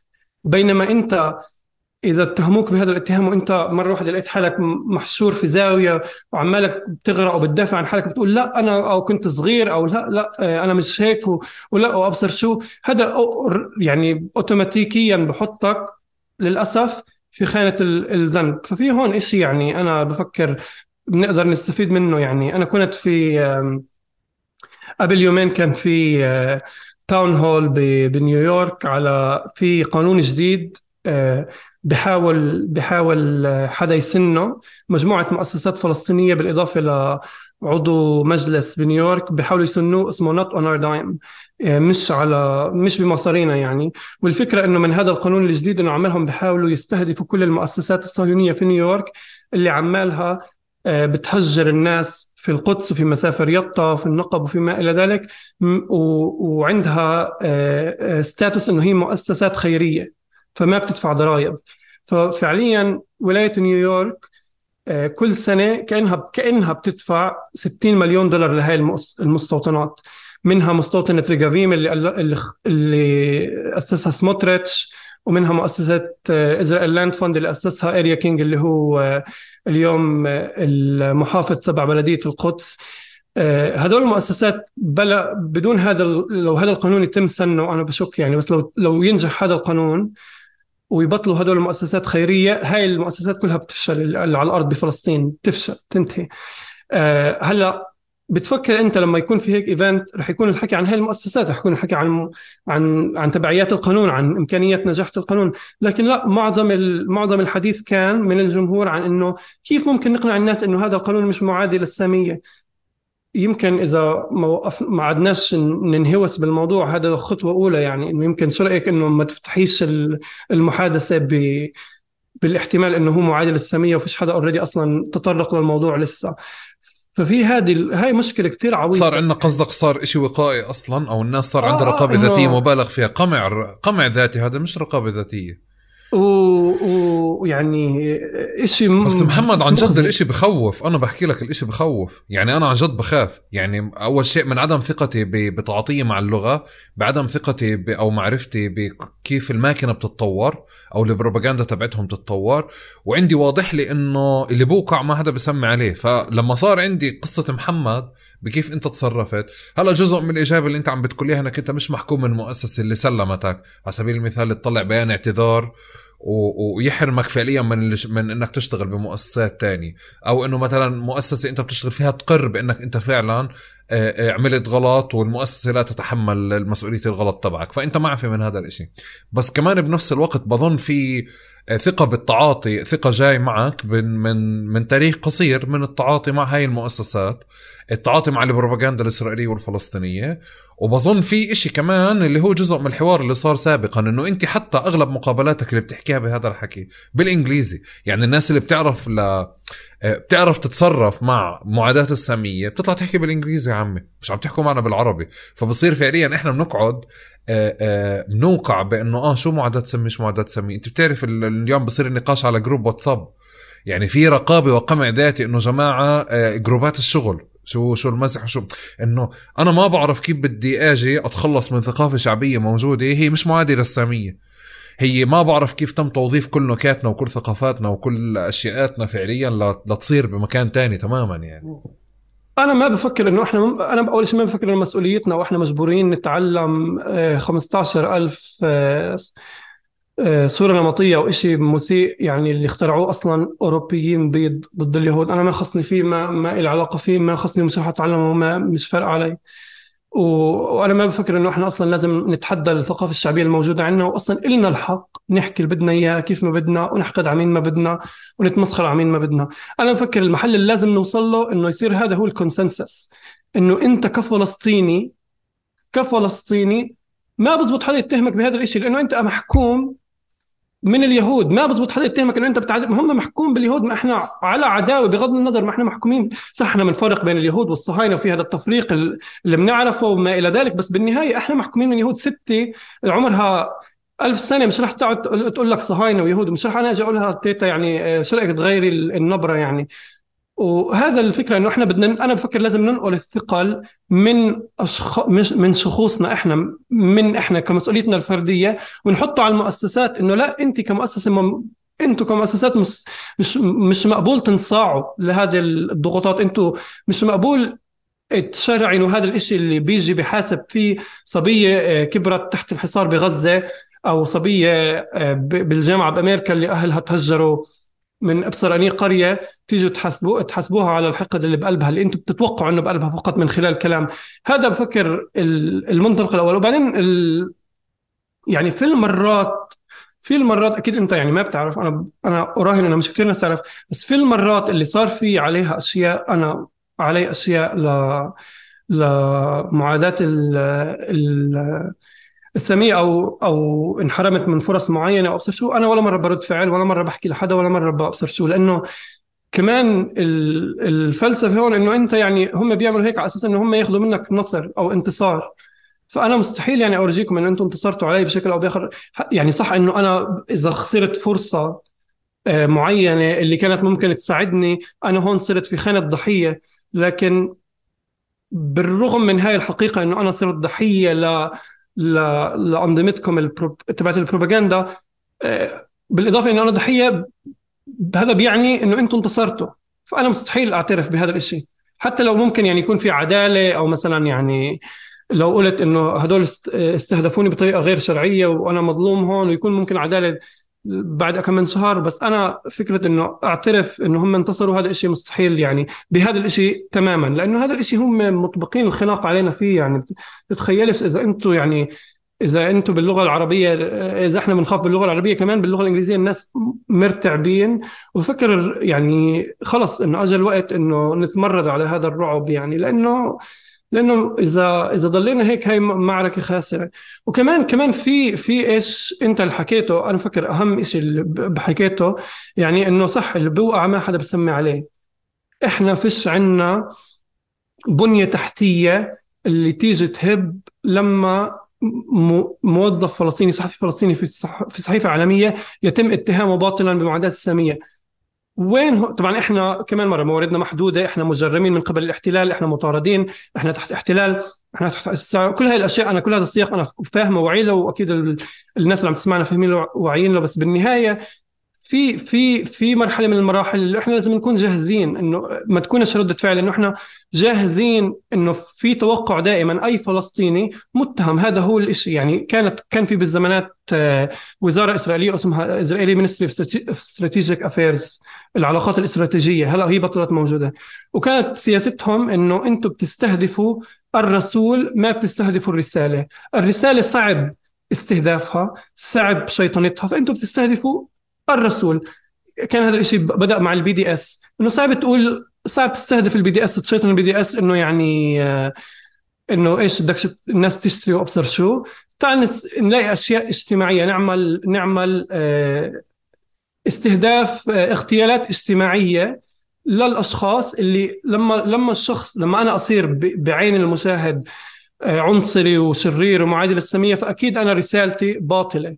فلما أنا أركز فقط على الرسالة فقط على الرسالة وابدا ما أجيب أي شيء شخصي ابدا ما يعني حدا يسب علي حدا حدا يتهمني بمعاداة ساميه بمعاداة أبصر مين مش فارقة. أنا ولا مرة ولا مرة أخوض دفاع ولا مرة أنكر ولا مرة أدافع ولا أبصر شو أنا عندي خط واضح اللي هو أنا في عندي قضية معينة لازم أركز فيها. أنا بفكر هذا الشيء ناجح بس كمان مرة في عندي طرف اللي مش موجود عند غيري. اولا إنه أنا مش محكوم أو يعني إنه حتى يعني ب The Nation أو ب ب بمؤسسة The Nation أو ب Mondoweiss وهيك. يعني أنا كمان مرة في بجاحة معينة اللي أنا بتعامل معها اللي أنا فكر حمتني شوي. ثانيا إنه في في أنا already عندي منصة إعلامية شخصية اللي مثلا إذا إذا أنا اليوم بدي أطلع مقالة عن مسافر يطا وبنفس اليوم طلعت مقالة على مؤسسة صهيونية قديش أنا أنا قديش أنا حيوان كلب عادي مقالتي ما هي تطمرهم يعني تطمر كل مشاهداتهم لأنه أنا يعني عندي مساحة أكبر. أوكي. ب... بنقاش الحق في المقاومة هذا دائما بشوفك أنت فيه كمان يعني متصدر فيه. إحنا واصلين لمحل اليوم آه بنخبي صور سلاح من من يعني بالثقافة الشعبية العامة على مستوى الناشطين والإعلام الناس بتفضل أكثر صورة الشهيد آه، آه، من غير من غير سلاح أو آه، أو مش ما بدي أحكي مرة تانية كمان واعي أنا مش عم بحكي على صورة الضحية صار في وعي بس صار في إشي اللي بعد ما انتقلنا من مرحلة الضحية للفلسطيني المقاتل نتيجة القمع المكثف صار في قمع ذاتي موجود إنه انت احترنا كيف اليوم يعني نقدم المقاومة. بطل ما هو بطل في مقاومة شعبية مقاومة سلمية اللي انت تقدمها وتحكي انه يعني هذا هذا نموذج انت تقدمه وتصدره. وفي عندك النقاش اللي دائما بيطلع بكل حرب اللي هو بفجر كل هذه النقاشات. آه، آه، أنا بس بدي أحكي لك إنه كتير لفتني وقت قضايا جنين وقت جنين إنه في جرأة إنه ال ال يعني إنه أنت طالع مش فكرة إنه إحنا بنكون شباب جنين عم بقاوموا. أو عم بدافعوا عن المخيم أو بدافعوا عن حالهم. بس في المنطق تبع إنه مقاتلي الحرية بتذكر هيك إنه لاجئين تهجروا من بيوتهم لجأوا لمخيم. القوات الإسرائيلية عم تدخل على المخيم اليوم وهم تسلحوا عشان يحافظوا يحموا المخيم تبعهم. وسميتهم مقاتلي حرية. فوقتها هيك أنا وأصدقاء صافنين إنه يعني هذا الزلم إيش قاعد بيساوي؟ يعني بعرف إنه ممكن هلأ إذا بتيجي تفككها بالشكل اللي أنت بتحكيه أنا وأنا بسمع حالي بالك لا في إشي منطق مختلف إنه في قمع ذاتي اليوم أكبر خلاني أشوف حتى أنبهر باللي عمله محمد برغم اللي حكاه هو كتير عادي. بس وسط القمع الكبير هاد آه وسط القمع الكتير كبير اللي موجود بصير أنت تقول شوي في معركة عم بفتحها هون. بس تعال نحكي بحرب من حب من حروب غزة كيف بيشتغلوا علينا؟ وإحنا كيف نشتغل؟ يعني في ال ال الاساسي إنه هم يعني بس بدافعوا عن حالهم و هم بس بدافعوا عن حالهم وهم بينعوا كل الضحايا المدنيين وما إلى ذلك. بس أنا بفكر أهم أهم حلقة في المسبحة تبعت الخطاب الإسرائيلي في حروب غزة هو سؤال بيسألوه دائما كلهم على على على وين ما كان في أي في أي حقل يعني. بيسألوا وات وود يو دو إنت شو بتعمل؟ لو انت محلك قاعد في تل أبيب في بيتك في أمانك وفي بيرموا عليك آلاف الصواريخ انت شو بتعمل؟ ما انت أكيد بدك تدافع عن حالك. هذا الشيء إحنا ليه ما طب ما انت انت انت لو انك قاعد في بيتك في طول كلمه وفاتوا عليكم الجنود والجيش وهو المنطقة محتلة شو بدك تعمل انت؟ شو, شو بدك تعمل؟ اسأل المشاهد شو بدك تعمل؟ المشاهد دائما يدافع عن حاله. فهذا هذا الخطاب يعني إنه أنت شو شو بدك تعمل. آه، بساعد إنه أنت شو ممكن تعمل غير إنك تقاوم غير إنك ترفع سلاح غير إنك تعمل اللي بتقدر عليه. هي أول شق ثاني شق أنا بدي أحكيه ويمكن ولا مرة حكيته. أنا بدي أعترف إنه أنا محكوم بكثير شعور ذنب كثير يعني أنا هون آه، علينا ضغوطات في ملاحقة. آه، أنا ما عندي لا جنسية إسرائيلية ولا جنسية أمريكية. في دائما الخوف من اعتقال في دائما الخوف من الإبعاد ما إلى ذلك. في يعني مقالات سيئة في تحريض تحريض وما تحريض وما إلى ذلك. بس هاي الأثمان لا تقارن لما أنت تقارنها بأثمان آه، اندفعت ناس استشهدت بالشارع. فأنا بالنسبة لي يعني بالنسبة لي إذا أنا قاعد هون وفي ناس عمالها بتضحي بحياتها بتضحي بروحها بتضحي بأجسادها عشان تدافع عن بلادها. وأنا بس مش أنا مش قادر أنا خايف أنا مش قادر حتى أوصفهم إن هم مقاومين حرية مقاتلين حرية. الله يخزيني يعني إنه شو ها شو هال شو هالتضحية الكبيرة مني إذا قلت عنهم مقاتلين؟ يعني إذا حطيت حالي بشوية آه، خطر أو بشوية مأزق مع مع اللي بوظفني أو شوية مأزق مع الناس اللي بتستضيفني. لأنه بالنهاية يعني إذا إحنا ما يعني هدول هدول المقاومين اللي بيروحوا بيحملوا سلاح بدائي وبحطوا حالهم على خط النار وما إلى ذلك. إذا إحنا مش قادرين نرفع السقف عشانهم فإحنا عملنا يعني بنفشل للأسف. يعني إذا إحنا مش قادرين يعني إذا هم بيقاوموا على أرض الواقع إحنا بس نتجاهل الموضوع مش قادرين نتعامل معه كأنه شرعي وحق وطبيعي إحنا مش عمالنا بنتعامل معهم مش عمالنا من من بنسهل الأمور عليهم بالعكس عمالنا بنخنق حالنا أكثر وأكثر فأنا بحس واجبنا إحنا الناس اللي بتتمتع بترف معين. كمان مرة في تحريض في إلخ إلخ إلخ بس إحنا. أنا بتمتع بترف أنا بالنهاية شو بعمل؟ أنا بكتب مقال يعني مش مش ناز مش نازل بالكلاشينكوف يعني. فعلى الأقل على الأقل في شوية risk آه، الواحد ممكن ياخده يعني. نقطة نتفه. يعني بفكر آه الله الله يديم عليك الطاقة هاي. بس كمان من مكان تاني عم بشوف آه، صرت أشوف المشهد من محل تاني إنه آه أنت بالمشهد المظلم آه، حلو اللي عم تحكيه بس مع تراجع تنظيمات ولا مؤسسات ولا أي بنى تحتية اللي موجودة اللي بالسابق على سبيل المثال كان محمد الكرد إذا انفصل من المؤسسة الفلانية التنظيم أو الحزب أو المؤسسة بتدبره بمكان تاني أو أو بت أو بتأمنه بشيء. فكانت فكرة إنه أنت كيف بدك تعيش تاني يوم أو رزقك ما ما كانش يحضر لك. اليوم الناس بس مش بس يعني إنه هي فعلا ناس وطنية وبدها تعطي وبدها تساوي وبدها تشيل بس بنفس الوقت آه، آه، بتقمع حالها بوعي لأنه بدها تحافظ على اليوم على اليوم يوم تبعها يعني بهذا الشكل. فاهم اللي أنت بتقوله. محمد من مكان تاني شفت كل الإعلام بيجي بصدر دائما فكرة حماس والخطاب الإسلامي خطاب الإسلاميين عنا في فلسطين. ل... ليقدم ال- الرواية إنه هي رواية عشان يعزز فكره إنه في رواية دينية موجودة. بتقدر تلعب التكتيكس اللي بدك إياها هلأ إذا بدك تضحك. اسمح لك بس هون. بس بشوف بشوف أنا في دائما أنت بتطلع منها بمهارة عالية. يعني إنه أوكي تمام أنت ليه بتسألني هذا السؤال؟ بدك تسأل شيء تاني. بس أنا بفكر إنه آه، إحنا ربينا وخلقنا كلياتنا وبنقول إحنا يعني هيك ربونا وإحنا صغار. ما عندنا مشكلة مع اليهود عندنا مشكلة مع الصهاينة. حتى الإسلاميين يعني بيطلعوا بيقولوا ما عندنا مشكلة مع اليهود. اليهود كانوا موجودين بكل مكان. والرسول عليه السلام كان عنده آه، جار كذا كذا كذا كذا. بس إحنا فعليا عندنا مشكلة اليوم مع الصهاينة اللي موجودين. اليوم حتى هذه الفكرة بحد ذاتها بطلت تسعفنا. يعني بطلت تسعفك انت آه، ضمن أصلا آه، ربط معاداة الإسلامية بمعاداة الصهيونية ومعاداة إسرائيل وكل هذا الطاحش. آه، على مستوى الخطاب الغربي بنشوف في المقابل إنه حتى حماس بالمقابل صارت تغير من خطابها بأماكن. يعني مثل ما بتلاقي البعض بيجوا بقولوا إنه إحنا ما بنستهدف المدنيين. مثلا حرب 2014 كان فيها خطاب كتير واضح. بتذكر في خطاب لخالد مشعل كان هيك يعني. بقول إنه إحنا ما بنستهدف مدنيين إحنا دخلنا على مستوطني كان ممكن نضرب كذا كذا كذا بس إحنا ضربنا وحدة عسكرية. وفي من مكان تاني كمان ود هو وإسماعيل هنيه باكثر من مكان حكوا على طبيعة الصراع إنه هو مش صراع آه، مش صراع ديني وإحنا ما عندنا مشكلة مع اليهود إحنا عندنا مشكلة مع الصهاينة كذا كذا.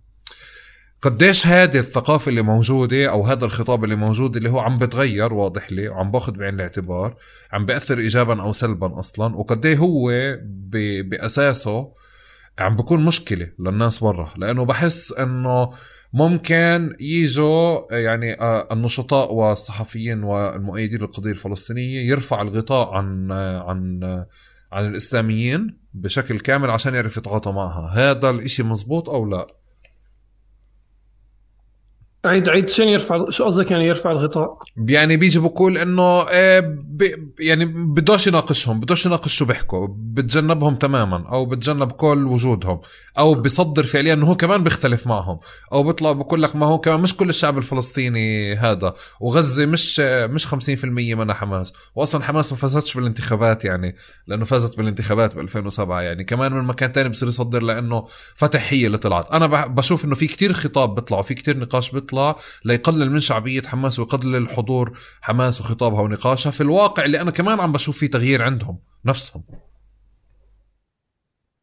يعني على فكرة آه مرقنا مرقنا شوط كثير طويل بين ال يعني بين القردة والخنازير واليوم خطاب الاستعمار. أنا بالنسبة لي كمان ال- المثال الأعلى هو الجهاد الإسلامي في في الخطاب ال- الإعلامي يعني بالتعامل مع هاي مع هاي الأمور. في كثير زي ما قلت في كثير استراتيجيات. يعني الاستراتيجية العظمى يعني هون السارية إنه إنه ت- آه، تستعمل القانون الدولي. تقول إنه الف- الفلسطينية تحت القانون الدولي هم لهم الحق بال بال بالمقاومة. في ناس تانيين زي ما قلت ب- ب- بتبرئوا من حماس بيقولوا مش كل الشعب الفلسطيني حمساوي. هو فعلا مش كل الشعب الفلسطيني حمساوي بس طبعا هذا مش عملهم هم ب- بشاركوك بمعلومات عامة هم عملهم يعني بتبرئوا من من حماس من خلال هذا ال- ال- الحكي وعمالهم يعني إنه بجزئوا كأنه المجتمع الفلسطيني لناس لفلسطينية جيدين وفلسطينية سيئين. وطبعا هذا الشيء بصير مش بس مع حماس بصير مع الكل يعني. آه، أنت دائما واحد ب يعني أنت دائما رح توقع بين خانة بين هذول الخانتين يعني يا إما أنت فلسطيني جيد وأغلب الوقت رح تكون أنت فلسطيني فلسطيني سيء هلا أنا بالنسبة لي بس هذا اسمح الشيء لي أنا أنا أنا بظن ما وصلك سؤالي عم بجرب أقول ال- الكل كل وجود حماس كل وجود الإسلاميين والجهاد الإسلامي كمان كيف أنت ذكرتهم ب- بسياقات غربية بسياقات الإعلام والبحث والنشاط والكذا. قديش كمان جانب من من من اللي قاعد بصير هو كمان قمع ذاتي وقمع مبالغ فيه لنفي الوجود نفي شعبية نفي كتير أشياء.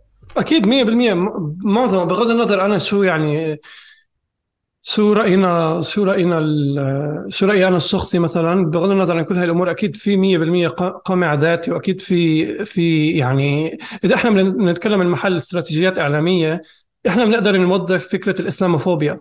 إنه بنقدر نوظف إنه أنتم رفضكم وضحكم لحماس هو آه، أو للجهاد الإسلامي هو جاي من عنصرية هو جاي من من معاداة للإسلام. وهذا الاشي يعني هذا ال هاي هاي المحاولة إلها مخالب يعني إلها أنياب إلها بتعض يعني بتزبط تمشي يعني. آه، لكن ما بنستعملها وبنحاول نتبرأ آه، من من هاي التنظيمات. أنا ما بعرف شو شعبية آه، حماس اليوم لكن لا مستحيل أقدر أقول إنه حماس غير شعبية عشان نكون صريحين مع بعض. وبالنهاية يعني كل حدا له حق. يعني إحنا إذا إحنا بدنا نحرم شعبنا من من حق تقرير المصير يعني إحنا بنكون شركاء يعني بالنهاية يعني أنا ما بدي أنت تتضامن معي لأنه أنا بني آدم برأيك منيح وعلى الراس وهيك. أنا بدي تتضامن معي لأنه قضيتي عادلة بغض النظر إذا أنا يعني آه، حيوان ولئيم و... و... وما عندي يعني إكرام ضيف بغض النظر يعني أنا مش لازم أكون عايش تحت احتلال. وهيك الإشي مع الك... يعني مع الكل. أنا بغض النظر شو دينك شو توجهك شو شو اللي بدك إياه. أنا بالنسبة لي المشكلة الأساسية هي الاستعمار وال... والاحتلال. بدي أرجع شوي بس على على نقطة يعني بس عشان ما بدي أنفهم غلط على نقطة السؤال اللي قبله. أنا بتفق معك 100% إنه يعني اليوم في في يعني فيش بنية تحتية فيش مؤسسات فيش ظهر للناس اللي بتواجه الاتهامات هاي الموجودة. آه، بس بنهاية اليوم أنا عمالي بحكي عن الناس اللي عندها طرف معين. مش يعني كمان كمان مرة الموجودين في الساحة إذا بدنا نكون صريحين الموجودين بالساحة الإعلامية الأكاديمية كمان مرة مش مش كلهم بس في شريحة كبيرة منهم اللي يعني مش راح يعني يتضوروا جوعا إذا الجامعة الفلانية زعلت منهم يعني. آه، تعال ننساش إنه في طبقة موجودة بفلسطين اللي هي ما عندها هيمنة على ال على ال على السين الثقافي لكن عندها وجود كبير بالسين الثقافي. فهي آه، لقمة العيش هي مشكلة حقيقية ومعضلة موجودة لكن بالنهاية لا تنطبق على الجميع. وبينما أنا عندي آه، ما عندي حصانة بس عندي فكرة إنه أنا مش محكوم من من مؤسسة ثانية في ناس تانية أهاليهم عندهم شركات يعني إحنا كلنا ضحايا احتلال بس بتفاوت. حلو النكفة هاي. إنت إجيت وضحت حالك ونكفت محمد وين سمعت أول مرة على الفوقية الأخلاقية؟ إنه إحنا لازم يكون عندنا فوقية أخلاقية في معركتنا مع مع الاحتلال. والله بسمع منك. لا بسمع مني؟ لا لا لا. يعني طول طول عمره طول عمره يعني أنت بت طول عم طول عمري بشوف هذا الإشي يعني. و... وكمان بتصرفي وبحكي حتى لأنه إحنا دائما كانت حارتنا يعني آه، ملانة ب... بأجانب ومتضامنين فكان دائما في هذا التمثيل للشعب بأكمله. إنه أنت شفت كيف تحكي وشو بتلبس وكيف تتعامل. وشو أخلاقك وشو مبادئك وما إلى ذلك. وطبعا هذا الشيء يعني بنرفضه تماما. بس أنا بدي أقول إنه يعني مش مش شيء آه، آه، مميز فقط بالشعب الفلسطيني. يعني هون إذا بتطلع في أمريكا آه، في كتير ناس سود أفارقة أمريكان اللي هم بيروحوا ضحايا ضحايا عنف الشرطة. وبس يتم تناقل قصصهم بالإعلام بصير بيتم التركيز على قديش هم كانوا غير مؤذيين قديش هم كانوا لطيفين قديش كانت أخلاقهم عالية قديش كانوا مستحيل يأذوا حدا مستحيل يعني قديش كانوا يعطوا الكف الثاني وهذا هذا الاستراتيجية اللي إحنا بنستعملها دائما. وإذا بتلاحظ هاي الاستراتيجية مش موجودة في معادلة زي معادلة روسيا وأوكرانيا. معادلة زي معادلة روسيا وأوكرانيا بيت بين بعض اللي هم الاثنين يستمتعوا بالحقوق الإنسانية الكاملة أو بالسقف بالفضاء الإنساني الكامل. بتشوف إنه واحد أوكراني بيروح بفجر حاله ثاني يوم The New York Post بينزلوا مقالة بيقولوا البطل الأوكراني الانتحاري. وأنا شفتها والله هسترت إنه أح... إنه بس صراحة هسترت بس برضه قلت أوكي يعني بزبط كمان أدافع عن ال... أوكي انتحاريين. أوكي نكتبها بالأجندة. إنه أنا فكرت إنه يعني التفجير هذا يعني كان السقف يعني بزبطش الطفي بس لا كتبوا لك بالخط العريض على أول صفحة إنه هذا بطل لأنه فجر حالة بين الجنود الروس. فواضح لي إنه هذا يعني واضح لي إنه معركتنا مش معركة أخلاقية إنه هم الأخلاق هذه كلها فضفاضة وما بتفرق عليهم يعني مش كتير. يعني كمان مرة نيويورك تايمز قبل سنة عملت مقابلة مع خبير نفسي آه، أوكراني وهو آه، واحد من نصائحه للشعب الأوكراني إنه أنتم لازم آه، تفرغوا الغضب والكراهية والحقد تبعكم ضد كل الروس. وعادي بالعكس كتير صحي إنه تكرهوا كل الروس. فهذا هذا عالم بيفهم هاي الأمور وحرمنا منها. بيفهم كل هاي الأمور الطبيعية وحرمنا منها. وأنا الصراحة مش عارف وين كيف وصلت هون. أنت بتعرف في أوكرانيا في في صدمتي كانت بالإحتفاء بالشباب اللي بيتم تجنيدهم. في شركات اليوم موجودة اللي هي شركات استشارات بندفع لها آه، مبالغ عشان تفكر كيف بدها تجيب الشباب الاوكران من برا ترجعهم عشان ياخذوا مصاري كتير ويقاتلوا وبعدين يتم تقديمهم كأبطال. هلا أنا بطلع أول شيء في business هيك شكله آه في business هيك شكله من محل. وفي إشي تاني كمان إنه في احتفاء بالأبطال هدول اللي بيرجعوا من بلدهم فداء للوطن وكذا. لأنه طبعا يعني ما لقوش فرص برا بس فيش عاقل بيرجع على معركة مثل وكمان أي فعل بيعملوه بيتم تقديمه على يعني على إنه story نجاح. طلع برا شاف الغربة وشاف المنفى وهيك ورجع قرر يدافع عن بلده. بالشكل هذا. بس بس بالسياق الفلسطيني مش هذا الفوقية الأخلاقية اللي أنا بجرب أحكيها اللي هو بحس إنه طول الوقت مطالبين بقضية إنه حتى آه، مثلا الاحتفاء من طرفنا إحنا بقضية إنه آه، فلان الفلاني كان ماشي بشارع مستوطنين في مناطق ال 67 بكل هذا الحكي. هلا واطلق السيارة ولكنه ما أطلق النار على على الطفل. أنا بحس إنه ممتاز المشهد اللي صار كله. ولكن حالة المطالبة أو تعميم المشاهد هذه على إنه آه، آه، أنا مطالب طول الوقت باعتمادي كأنه أنا اللي عندي الفوقية الأخلاقية في المعركة هاي بحس في إشي صرنا نحطه على حالنا كمان من مكان اللي إحنا ما عندنا قدرة على الالتزام فيه. يعني إذا الأخلاق هي اللي بدي أقاتل فيها يعني شوي آه، مش مش مش رح تتقاطع يعني لقدام كتير. بالسياقات. بس أنا صرت عم بسمع عنها أكثر مع معاداة السامية. يعني هي شو اسمه يعني هي فيها إشي ناجح من ناحية البروباغندا. يعني كمان قبل فترة لو كان في عملية بحوارة وسألهم إذا أنتم مستوطنين. سألهم مستوطنين وطخهم. آه وهذا يعني إنه تأكد يعني إنهم مستوطنين مش بس مش مش مش مدنيين أو أجانب أو أو ما إلى ذلك. أنا بفكر إنه كمان أنا كمان بتفق إنه أنا برفض هذا الشيء يعني ما ما بفكر إنه إحنا من يعني فوق فوق الاحتلال كمان بدنا نكون يعني نمشي على العجين ما نلخبطوش أنا يعني مستحيل. أنا هاي إذا إحنا بدنا نحارب وإذا بدها تكون أخلاقنا عالية بدنا نحارب بالأخلاق وبدنا بدنا نلعب اللعب كلها ضمن حدود القوانين رح نخسر. لأنه مش إحنا اللي بنسن القوانين ومش إحنا اللي بنصيغ الأخلاق. ال ال ال الخلق اليوم بالضرورة هو شيء أوروبي.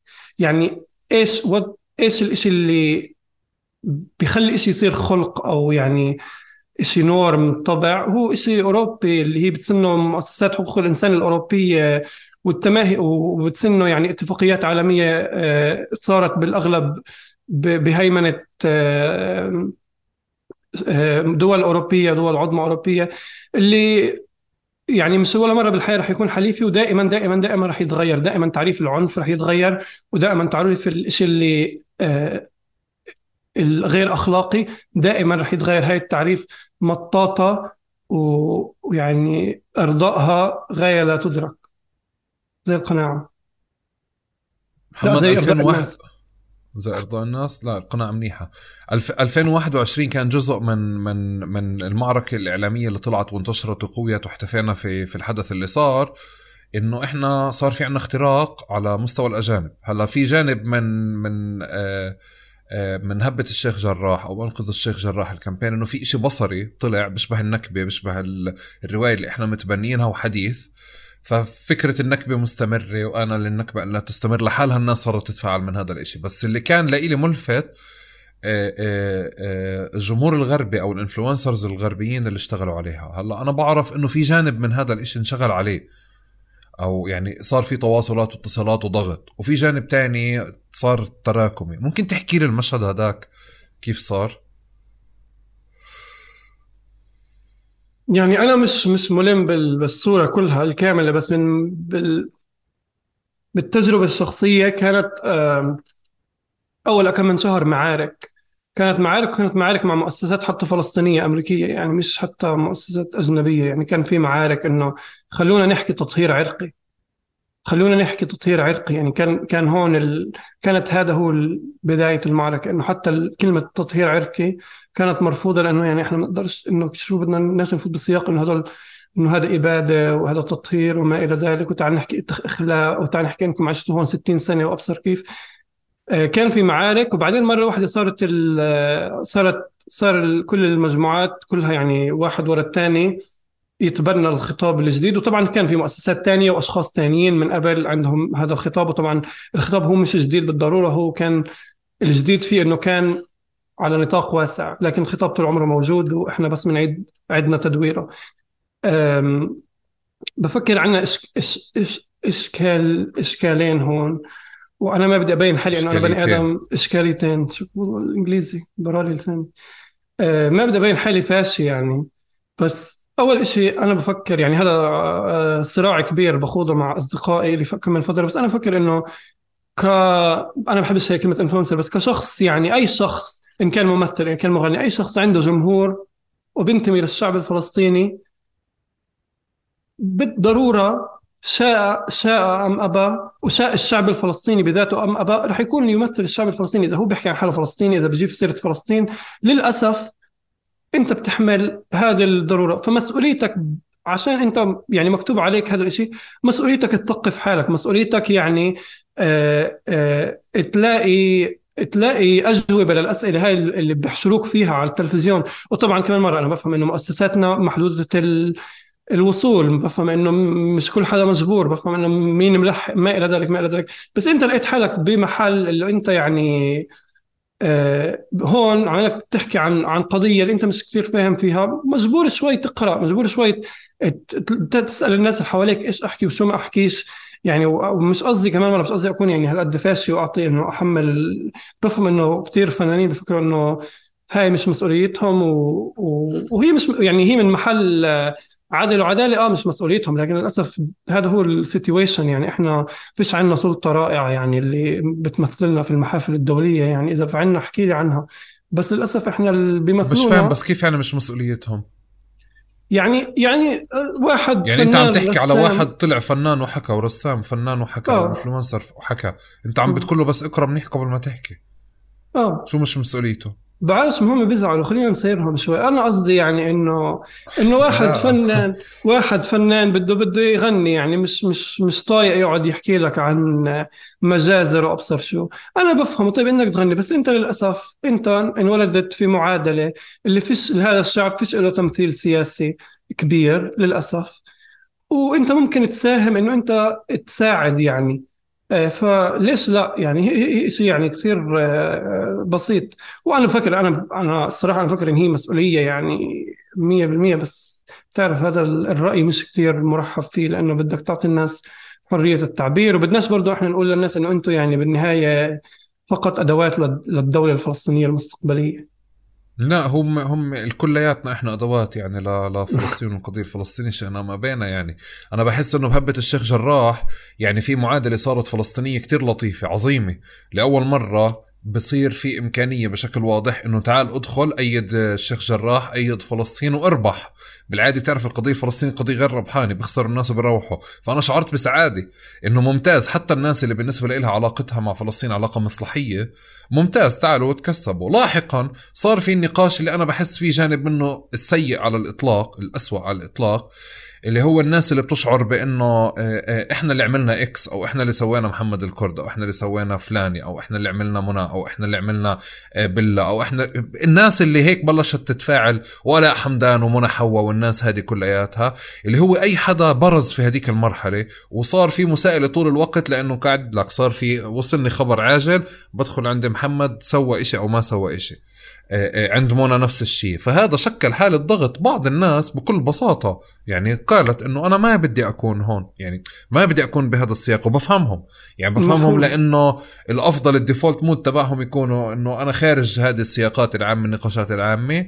وصراحة كتير بحترم ناس منهم اللي ما حكوا عن خسارات قدموها يعني أو عن عن أشياء خسروها أو عن عقود خسروها. يعني مش إنه طلعوا من من الإشي هذا ولكن اللي, اللي بحكي لك إياه بعدين إنه لا أنا بحس إنه أي حدا على مستوى فلسطين بده بده يحكي بده يكون قد هو شو بحكي بده يتفاعل بده يكون قد هو شو بده يتفاعل. وأنا لإلي بشكل واضح بطلت أقبل أصلا أي حدا عنده أي منصة وهو هويته فلسطينية الناس لحالها بتتوقع منه يتفاعل فبتلاقيه يتفاعل. زيه زي المحلات وإحنا صغار يعني. شهيد الناس عاملة إضراب بكل مكان. بس الناس بتسكر محلها عشان تقول لك إنه جزء من هذا السياق العام. الفلسطيني ما بيقدر يعزل حاله عن يعني عن هذا عن عن السياقات العامة ابدا. ومجبور يتعاطى مع قضيته بأنه يعني آه هو ممثل شاء أم ابى يعني. بالآخر هاي الفلسطينيين سكرانين هون أو الفلسطيني أبصر إيش بيساووا هون. كل واحد بيختار الإشي الفعلي الأخلاقي أو اللا أخلاقي حسب كيف مسطرته وبلش يسقطه يعني. فأنا بحس إنه طول الوقت على مستوى تثقيف وسياسي ونقاشات اجتماعية ونقاشات آه، ونقاشات ظهور وحضور بدك تاخذ بعين الاعتبار إنه هنالك ناس تترصد لك لهذا الموضوع يعني بهذا الشكل. أكيد أكيد 100% أكيد يعني 100% بس يعني أنا مؤمن الواحد آه، حياته يعني أنا بس بدي أتفق معك بس على القضية بديش أتفق معك على شيء ثاني نهائيا يعني فوق انت يعني أنا ما ما أنا ما بشارك يعني حياتي الشخصية ابدا على ال... على الإنترنت وبالنهاية كمان أنا بفكر في فرق بين الناس اللي اختارت تكون بهذا المحل والناس اللي ما اختارت تكون بهذا المحل. يعني إحنا أنا على الأقل أنا هيك كله صار صدفة إنه مرة واحدة لقيت حالي قدام الكاميرا. أنا كنت بفكر دوري بالحملة كان إنه أنا أكتب الخطابات أكتب البيانات هيك كنت مفكر. بس كان عشان فيش حدا يحكي تاني أو فيش حدا راضي يحكي بالإنجليزي مرة واحدة لقيت حالي ب بهاي الرقعة. وتمام أنا قررت إنه أكمل. بالموضوع. وتمام بيجي مع ضغوطات آه، معينة بس كمان مرة لما تقيسها على على الضغوطات والتضحيات الناس بتعيشها على الأرض بتصير الضغوطات أو الهجومات أو كل هاي الأشياء بتصير شوي سخيفة بالنسبة لك وبالنهاية أنا مش محكوم يعني أنا مش محكوم من الناس آه، أبدا. مش محكوم من حدا. أنا بس مهم لي أكون آه، شو اسمه ولي لل للقضيه الفلسطينية وبس أما بس أنت أنت أنت بتتفق معي بالمناسبة عشان هيك ما بتشارك من حياتك الخاصة. آه بتفق معك. فأنت حكيت لي أنه بتفق معك على القضية بس بتفقش معك على شيء تاني. بس أنا بفكر إنه يعني بالمحل هو هذا عشان بس أنا ما, ما ينفهم ما تحشرنيش أنا بمحل إنه أنا قاعد بقيم الناس اخلاقيا لا. أو, أو على مستوى شخصي. بس أنا بالنسبة لي بقول لك إنه في في وعي لأنه آه في صور نمطية وفي مجتمعات وفي شعوب إحنا قاعدين نتعاطى معها في جانب شخصي وفي جانب عام اللي أنت بدك تتعاطى معه. محمد وين أول مرة حسيت حالك مشهور؟ أو إنك لبست بالحيط يعني؟ حسيت حالي إيش؟ مشهور. مشهور.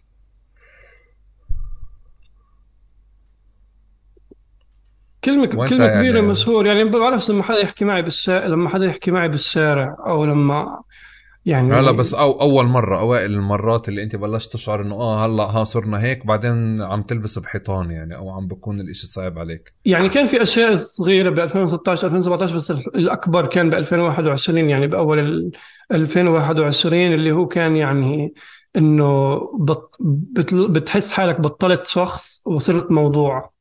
بطلت آه، بني آدم وصرت موضوع وكل حدا عنده آه، يعني سيرة ذاتية عنك بيعرف أنت أني قضايا بتناصر وأني قضايا بتناصرش وبيعرف آه، أنو لون بتحب وأنو نبتة بتاكلش وهيك يعني وخلص بناء على هاي التخيلات بصير في حكم عليك وعلى شخصيتك وعلى مين أنت.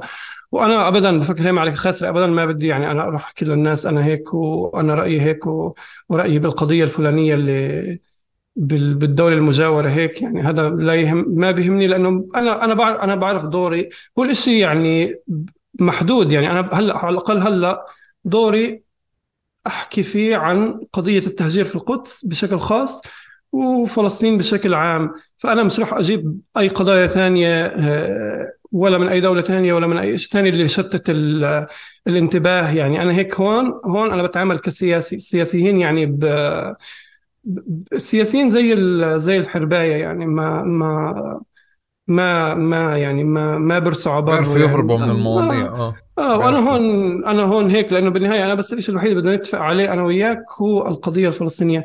أي شيء خارج هيك يعني ما ما خصني. هذا اولا. ثانيا أنا بفكر كمان آه هاي ال ال الشهرة مرعبة ومربكة لأنه بت بتحملك مش بس بتحملك فوق فوق طاقتك بس أي حدا مشهور أي حدا مش أي حدا في الدنيا مشهور آه، خصوصي إذا لساته عايش راح يسقط راح يوقع 100% يعني هيك كان على مر التاريخ أي حدا مشهور أنت بتحب بتحب اللعبة بتلعب فيها شوي بعدين السنة الجاية بتفرفط روحك منها وبتلاقي لك لعبة تانية. أنا بالضرورة راح أفشل فشل إن كان أخلاقي أو إن كان سياسي أو إن كان آه على أي بالضرورة يعني راح أعمل إشي اللي أنت أو المشاهد الفلاني أو القارئ الفلاني اللي ما راح يتفق معاه. وللأسف إحنا ثقافتنا عند لما ما نتفق مع حدا مش بنناقشه أو بننتقده إحنا بنصلب الناس يعني. فأنا متصالح مع هذا الموضوع وأنا ابدا يعني ما بدي ما ما ما عندي صورة اللي أنا بفكر إنه بدي بدي أحافظ عليها آه، وما مش كثير يعني آه، مش كثير متأمل يعني انه عارف إنه لأنه عارف إنه بالنهاية رح تسقط. بالنهاية رح يطلعوا رح يصيروا يطلعوا عليك على إنه أنت خيبت ظنهم بشكل أو بآخر. واحتمال أنت بتكون فعلا خيبت ظنهم إذا وقعت اتفاقية زي أوسلو. واحيانا تاني أنت آه، خيبت ظنهم إنك بتحبش الملوخية يعني. فهذه بالنسبة لي معركة ما ما ما عندي فكرة. بس على مستوى اليوم يوم وأنت ماشي بالشارع وعلى مستوى حياة خاصة بتشعر إنه هذه هذه الشهره عم تضغطك؟ إنه آه أكيد يعني ب... ب... يعني أكيد أكيد يعني أنا كمان بني آدم بالعادة خجول آه، أنا طول عمري انطوائي كمان إنه فكرة إنه أنا طول عمري بنقي المدارس خلتني شوي آه، لحالي وهادي ومش كثير يعني منى منى دائما هي الشخصية الاجتماعية بيناتنا إحنا التوأم. وأنا أكثر خجول. فكان صعب شوي يعني بأول آه، بأول الموضوع أنا كنت دائما رافض فكرة التصوير وبديش أتصور شو مفكريني يعني هيفا وهبي و... وشوي شوي يعني بديت أبتسم لما حدا يحكي معي وهيك بس إنه كمان مرة إنه هدول الناس ما بيعرفوك. يعني هذا هذا الناس الشخص اللي بيجي بيجي بيقول لي أنت أنت كذا كذا كذا وأنت كذا كذا كذا ما بيعرف إنه أنا مثلا بعرفش أفتح الميكروويف أسخن اكل بالميكروويف مثلا ما بيعرف كل الاشياء الهبل اللي عندي التصرفات الغبية اللي عندي كل الثغرات الموجودة بشخصيتي. وأكيد أنا بقدر لكل الكلام اللطيف اللي بسمعه طول طول اليوم. آه، بس بذات الوقت عمل عندي حالة من الهوس إنه أنا بحس إنه دائما لازم أضلني أشتغل. إنه أنا أنا كبرت عندي حقد آه، وغل على هدول الشخصيات اللي دائما قدام الكاميرا اللي دائما على التلفزيون. كنا نحكي عنهم إنه بيجوا بتصوروا وبروحوا بيجوا بياخذوا صورتهم وبروحوا. ودائما كنت إنه ما بحب هدول الناس اللي بيمثلونا بالإعلام. ومرة واحدة صحيت ولقيت حالي أنا صرت الشخص اللي اللي بيمثلنا بالإعلام. أو يعني واحد من الأشخاص اللي بيمثلنا بالإعلام وصرت أنا الشيء اللي بكرهه. فطول الوقت اليوم أنا طول الوقت بشتغل طول الوقت خايف إنه أتحول لهي الصورة اللي بيجي بس بتصور وبروح أو اللي بيجي يعني بوقف بخيمة الاعتصام ربع ساعة وبس يروحوا الأجانب هو بروح مع الأجانب. أنا ما ابدا ما بدي هيك. وهذا الشيء بشكل الصراحة شوي ضغط يعني إنه كمية المشاريع اللي باخذها كمية الأشياء اللي بقبل أعملها عشان ما أحس إنه أنا مخسرة وهيك بيكون بتكون بتكون ضاغطة. لكن بذات الوقت أكيد في في امتنان وفي في شيء إيجابي. الفكرة إنه أنا عندي وصول معين اللي أنا ممتن له وبحب إنه آه، أقدر أستفيده للخير كيف هالجواب الدبلوماسي؟ عظيم خاصة هاي بحب اللي بقدر بحب أستضيفه للخير. بس قل لي يا أبو خير أنت كيف تتعاطى مع المعجبين لما تكون في في ورشة أو هيك؟ في شكاوى كتير على الموضوع هذا. حبيت أنا أكثر nickname هيك لقب طلع عليك إنه إنه محمد ديفا. إنه يعني مثلا آه يعني بخار الناس هيك اللي هو طبعا أنا بكون أضحك. هو هو هو هو معهم معهم حق الناس يعني أنا أصحابي بضلهم يبهدلوني إنه بصير هيك تتعامل أبصر شو.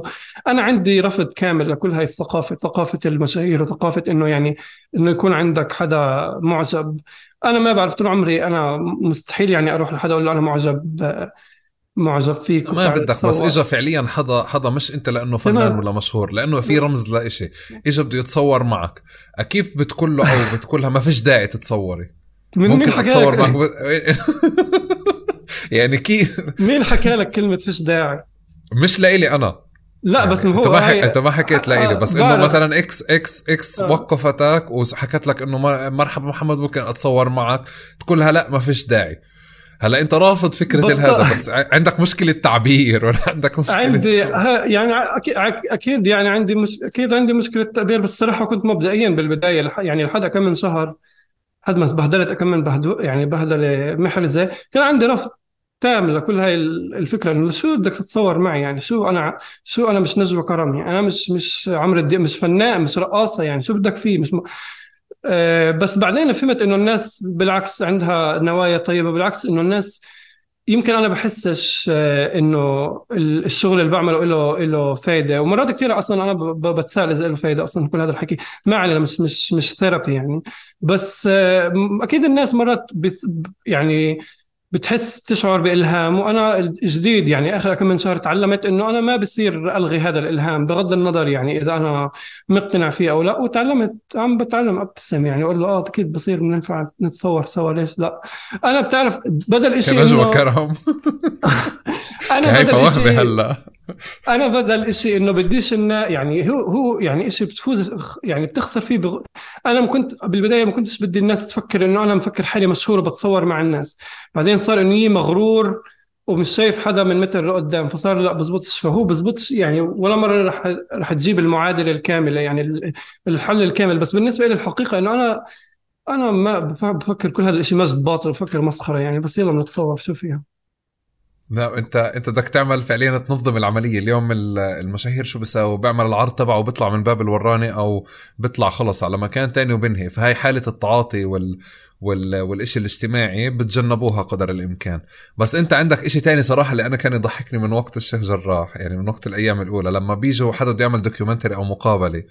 فبتواصل مع محمد إنه عشان يعملوا. بالأول يبدو لي كانوا يتواصلوا معك مباشرة أنت زكت حالك حولتهم لحدا تاني أو صارت الناس تتواصل مع حدا تاني. وهنا يعني المؤسسات تعرف الصحفيين هم اللي بيعمموا ال nicknames. فلما عمموا الديفا محمد إنه أول مرة بسمع على فكرة.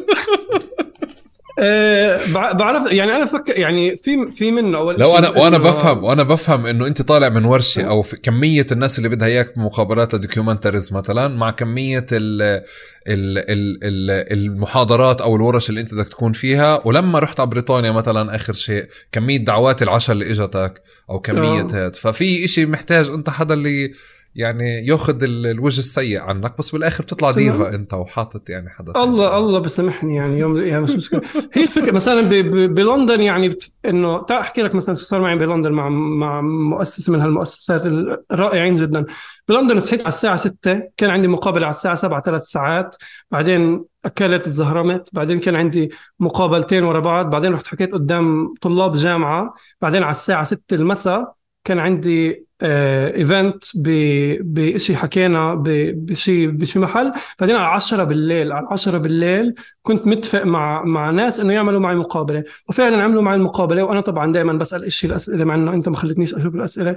بسأل إيش هي الاسئله ودائما بسأل أشوف المقابلة قبل ما تنتشر يعني.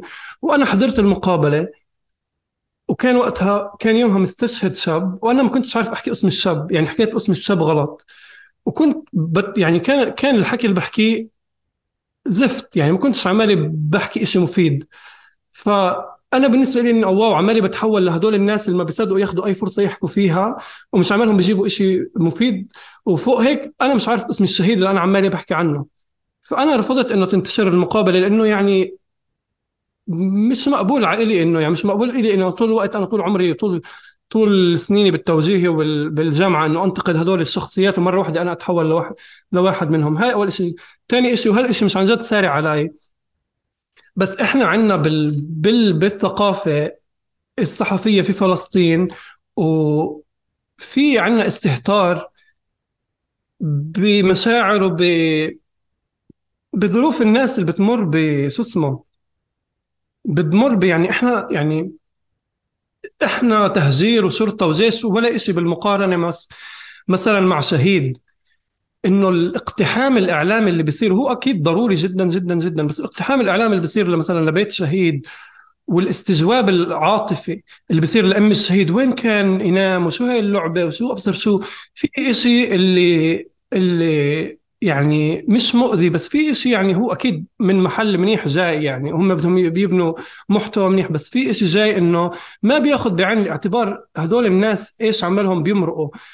وأنا بس بس بدينا بالشيخ جراح وكنت يعني طول النهار أول شيء أنا كنت أعلم حصة إنجليزي بالجامعة على زوم. كنت أعلم إنجليزي لطلاب سنة أولى جامعة آه على زوم وكنت طالب ماجستير وكنت أشتغل بشركة صناعة أفلام وكنا مقابلات من الصبح لليل ففي في مرحلة معينة فرفضت روحي وصرت إنه آه بدك تحكي لي الأسئلة اللي بدك تسألها وبدك تقول لي أنت مع مين جاي وشو الهدف من المقابلة وبدك تقول لي أي ساعة واذا ما عجبوني الأسئلة ما بدي أروح. وآه مش لطيف بس يعني هاي حماية ذاتية وكمان مرة بنستغفر الله وبغفر لنا يعني. طب وقديش وقديش لساتك عارف تدير أعصابك معهم؟ أنا اللي بعرفه إنك أنت عصبي كتير. انت عكس ما بتدعي فعليا إنه ما شاء الله عليك. الصلاة على النبي زلمة هادي ورايق. مع مين حاكي انت مش فاهم. أنا أنا عصبي. الدنيا بتعصب البني آدم يعني. أنا أنا عصبي. مش عصبي أنا هيك شو بعصبنك يعني. شو بعصبنك أنت؟ كثير أشياء والله الليستة من اليوم لبكرة بتخلص. أنا كل شيء كل شيء بيستفزني الصراحة. كل شيء زيادة عن اللزوم. أنا أنا بعترف. وأنا كمان بتعرف زي مين؟ أنا زي زي اللي بضله يكسر ويتأسف بضلني أكسر وأتأسف يعني بتطاوش مع الصحافة كنت وبروح أعتب... يعني صحفي عمري شفته بحياتي. إنه مثلا بيجي كنت مرة مفلوز ومريض يعني وبستفرغ وهيك ودق علينا صحفي كذا مرة كذا مرة بده يحكي معي. أنا قلت له أنا آسف هاي بعت لك قائمة أسماء تحكي معهم كلهم بيحكوا إنجليزي بالحارة قاعدين هلأ بس أنا مش قادر مفلوز بستفرغ. ضل يدق. واللي أنا صيحت فيه صوت. ضليتني يعني أسبوعين أعتصر حالي ندم بعدين بعثت له رسالة بعرفوش بعرفوش حرام يعني مش إنه مش إنه بعرفه.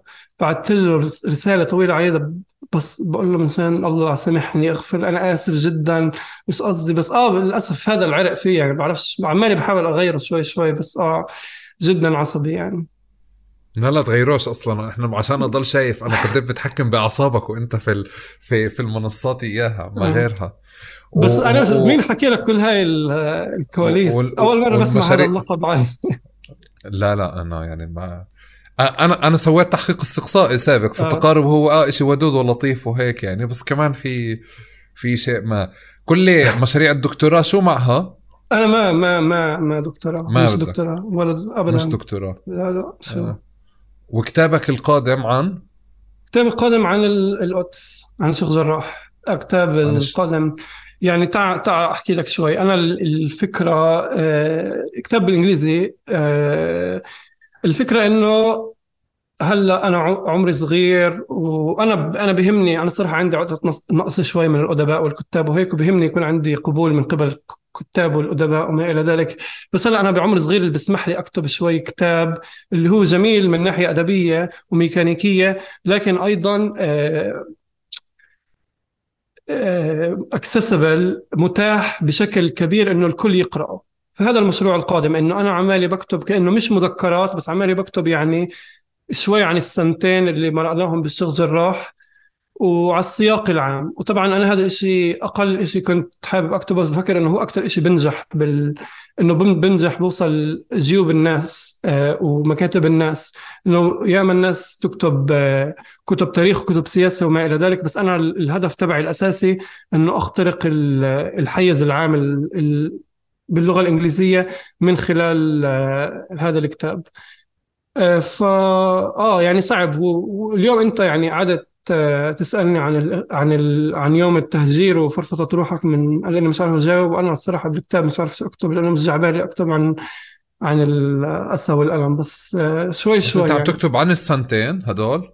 يعني عنك أنت ولا عن السنتين. إنه الترويج للكتاب كأنه على فكرة يا رب ما حدا يترجم هذه المقابلة الإنجليزية. الترويج للكتاب كأنه يعني إنه إنه آه مذكراتي يعني على أساس إنه ينباع فاهم؟ على أساس إنه يعني تقرأوا الناس. بس هو الاكثر هو الكتاب عن الشيخ جراح عن حملة الشيخ جراح وعن كل التحديات اللي كانت وراء الكواليس موجودة بالشيخ جراح بالتركيز على الإعلام آه، بالتركيز على العلاقة أو أو دحض العلاقة مع ال- اليسار الإسرائيلي. وأيضا آه، بتشعب بروح لعينات تانية زي بيتا ومسافة لحد هلأ أنا كاتب عن بيتا ومسافة يطا وسلوان والنقب أعتقد لحد هلا بس هدول كاتب عنهم بس بحب أكتب أكثر عن جسر الزرقاء حتى وعن مناطق أكثر بالداخل بالإضافة إلى النقب. فهو يعني كأنه الصنارة اللي بتصيد فيها القارئ هي إنه آه هاي مذكراتي الخاصة اللي يعني آه، هي حياة شخصية وهيك وتوتة و... ونميمة يعني بس اللي هو ال- اللي هو بالسياق محمد الكرد عم بوثق السنتين هدول أو عم أيوة بيحكي بز- على ذكرياته بالسنتين هدول. بالضبط هيك. ما عندك مشكلة يترجم لش- لشركة النشر؟ العربي؟ لا الكلام هاي الكلام إن شاء الله ما يترجم للإنجليزي عشان ما يوصل لشركه النشر؟ يعني آه. انه بتاع إنه خلص لأنه عم بطلع كمان إنه إنه ب... عندك مشكلة يطلع بالعربي ولا عندك مشكلة يطلع بالإنجليزي؟ عندك مشكلة هاي الجمل تطلع بال... بالعربي ولا بالإنجليزي أكثر يعني جمهور عربي ولا جم... كيف ما لكيت وجهك فعليا أنت؟ آه. يعني إنه آه محمد أنا لإنه يعني سمعت أول شيء محمد عم بكتب مذكراته. يعني مذكراته إنه أنا بدي يعني كنت أوكي بدي مش لبقلي اللقاء يعني. وأقول له. إنه محمد الحقنا نكتب مذكرات يعني. أو إنه زي الواحد اللي هو بيجي بتقاعد فبيبلش يكتب مذكراته. بس هلأ بالمدخل التسويقي اللي أنت حكيته هو الاقتصاد بظن هذا يعني كتير كتير كتير مهم ين- يتم إبرازه يعني. يعني الاقتصاد الاقتصاد عالم الأدب هلأ يعني آه للأسف أكثر شيء أكثر شيء ناجح هو المذكرات خصوصي بالحركات السياسية. إيه، ف... فأنا عمالي بتبع نمط إيه، مثلا أنجلا ديفيس وأساتا شاكور تبعون ال Black Panthers اللي هم كتبوا مذكراتهم بس كانت المذكرات هي مدخل للحركة التحررية بحالتي أنا هي رح تكون مدخل للحراك ضد التهجير والتطهير العرقي في القدس وضد الصهيونية بشكل عام. هذه هي الفكرة يعني. عظيم عظيم بنحكي له للناشر خلص يعني مش مشكلة بصارحه بالموضوع. بالتوفيق. لا بنحط له في البرومو إنه يا رب هي ما تترجم. تمام. محمد يعطيك العافية. بالعادة أنا بترك المايك للضيف عشان إذا ب... إذا إذا بده يصحح إشي ولا بده يحكي إشي ولا بده يضيف إشي ولا. فلك المايك يا عزيزي. والله لا يمل وشكرا فيش عندي شيء صح إن شاء الله ما خبصتش يعني بس إن شاء الله تمام. لا لا ألف ألف. ألف. ألف. يعطيك ألف عافية وشكرا كثير شكرا لك. يعطيك العافية. يعطيك العافية. شكرا جزيلا لكم يعطيكم ألف عافية. يعني بظن كان حوار طويل آه، ب ب أنا لإلي طلعت بأشجع وأقوى اليوم بالتعاطي بشكل أساسي مع الإعلام الغربي مع روايتنا مع كمان نشأة محمد. مهم لإلي كان إنه أتعرف على نشأة محمد لأنه دائما كان عندي اعتقاد إنه هو زينا زي زي كتير شباب. نشأته نشأة مثل كتير ناس بس آه، اشتغل على حاله واجتهد. إنه يكون في المكان اللي هو موجود فيه اليوم. فبلادنا مليانة ناس مثل محمد ومليانة شغل جامد وفخورين فيهم وزي السلوغن هيك في البرنامج والنعم والنعمتين آه، والنعم والنعمتين فيكم كمان. آه، بدي أشكركم آه، مقدما على مشاركتكم. أي مقترحات أفكار أسئلة مقترحات مواضيع مقترحات ضيوف آه، تبعتوا لي إياها. وشكرا لكم على مشاركة هذا المحتوى مع أي حدا ممكن يكون مهتم فيه. شكرا لكم ونشوفكم الأسبوع الجاي في حلقة جديدة. أنا نسيت أسألك عن المقلوبة. والله أنا ب... لسه بقول الحمد لله ما سألني عن المقلوب يلا اسأل تفضل. لا إيش- شو وضعك مع المقلوبة؟ إيش سؤالك؟ ذكرني فيه إنه دجاج ولا لحمة. إيش شو السؤال؟ أذكرك؟ لا مش هيك السؤال. السؤال أنت بتحب المقلوبة أو لا؟ لا مش كثير يعني عادي. ترهفش قلبي يعني. كيف يعني؟ شفت كيف كنت محبوب طول المقابلة هلا بس اسمع هذا الجواب خلص انتهيت خلص ما- انتهى الموضوع أنا بع... بتحبها؟ أنا أنا ثق في قلايه البندورة والله عمرك أكلت قلايه بندورة زاكي مع لحمة والله أذكى شيء بالعالم بعرفش أنا زاكي آه. زاكي آه منيحة بس شو دخل مقلوبة ب- بقلاية البندورة يعني؟ إنه أنا ف... لو تخير يعني؟ لا لو تخيرني يعني بختار يعني إنه إيش أنت يعني أنت مع مع واحدة من عماتك ولا خالاتك بدك يعني أقول الولد هني؟ يعني ما شاء الله برضى وبقنع ب- بقلاية لحمة وقلاية لا،. مش معلم، لا. مقلوبة. الطعم أذكى. يعني انت أنت بتعمل مقلوبة. آه بعمل مقلوبة. طيب الله يعين يعني الله الله يعطيك العافية. أنا بقدر أنا بقدرش اعمل أنا ساكن لحالي شو بدي أعمل مقلوبة؟ ليه أنا ساكن؟ شو يعني ساكن مع فريق شفات يعني؟ ما, ما بقول لك إنه انت أنت يعني أنت قدراتك أعلى منا. إحنا يا دوب ماشي. خبزة ولبن. ماشي ماشي ماشي. يعطيك العافية. الله يعافيك يلا. يعطيك العافية.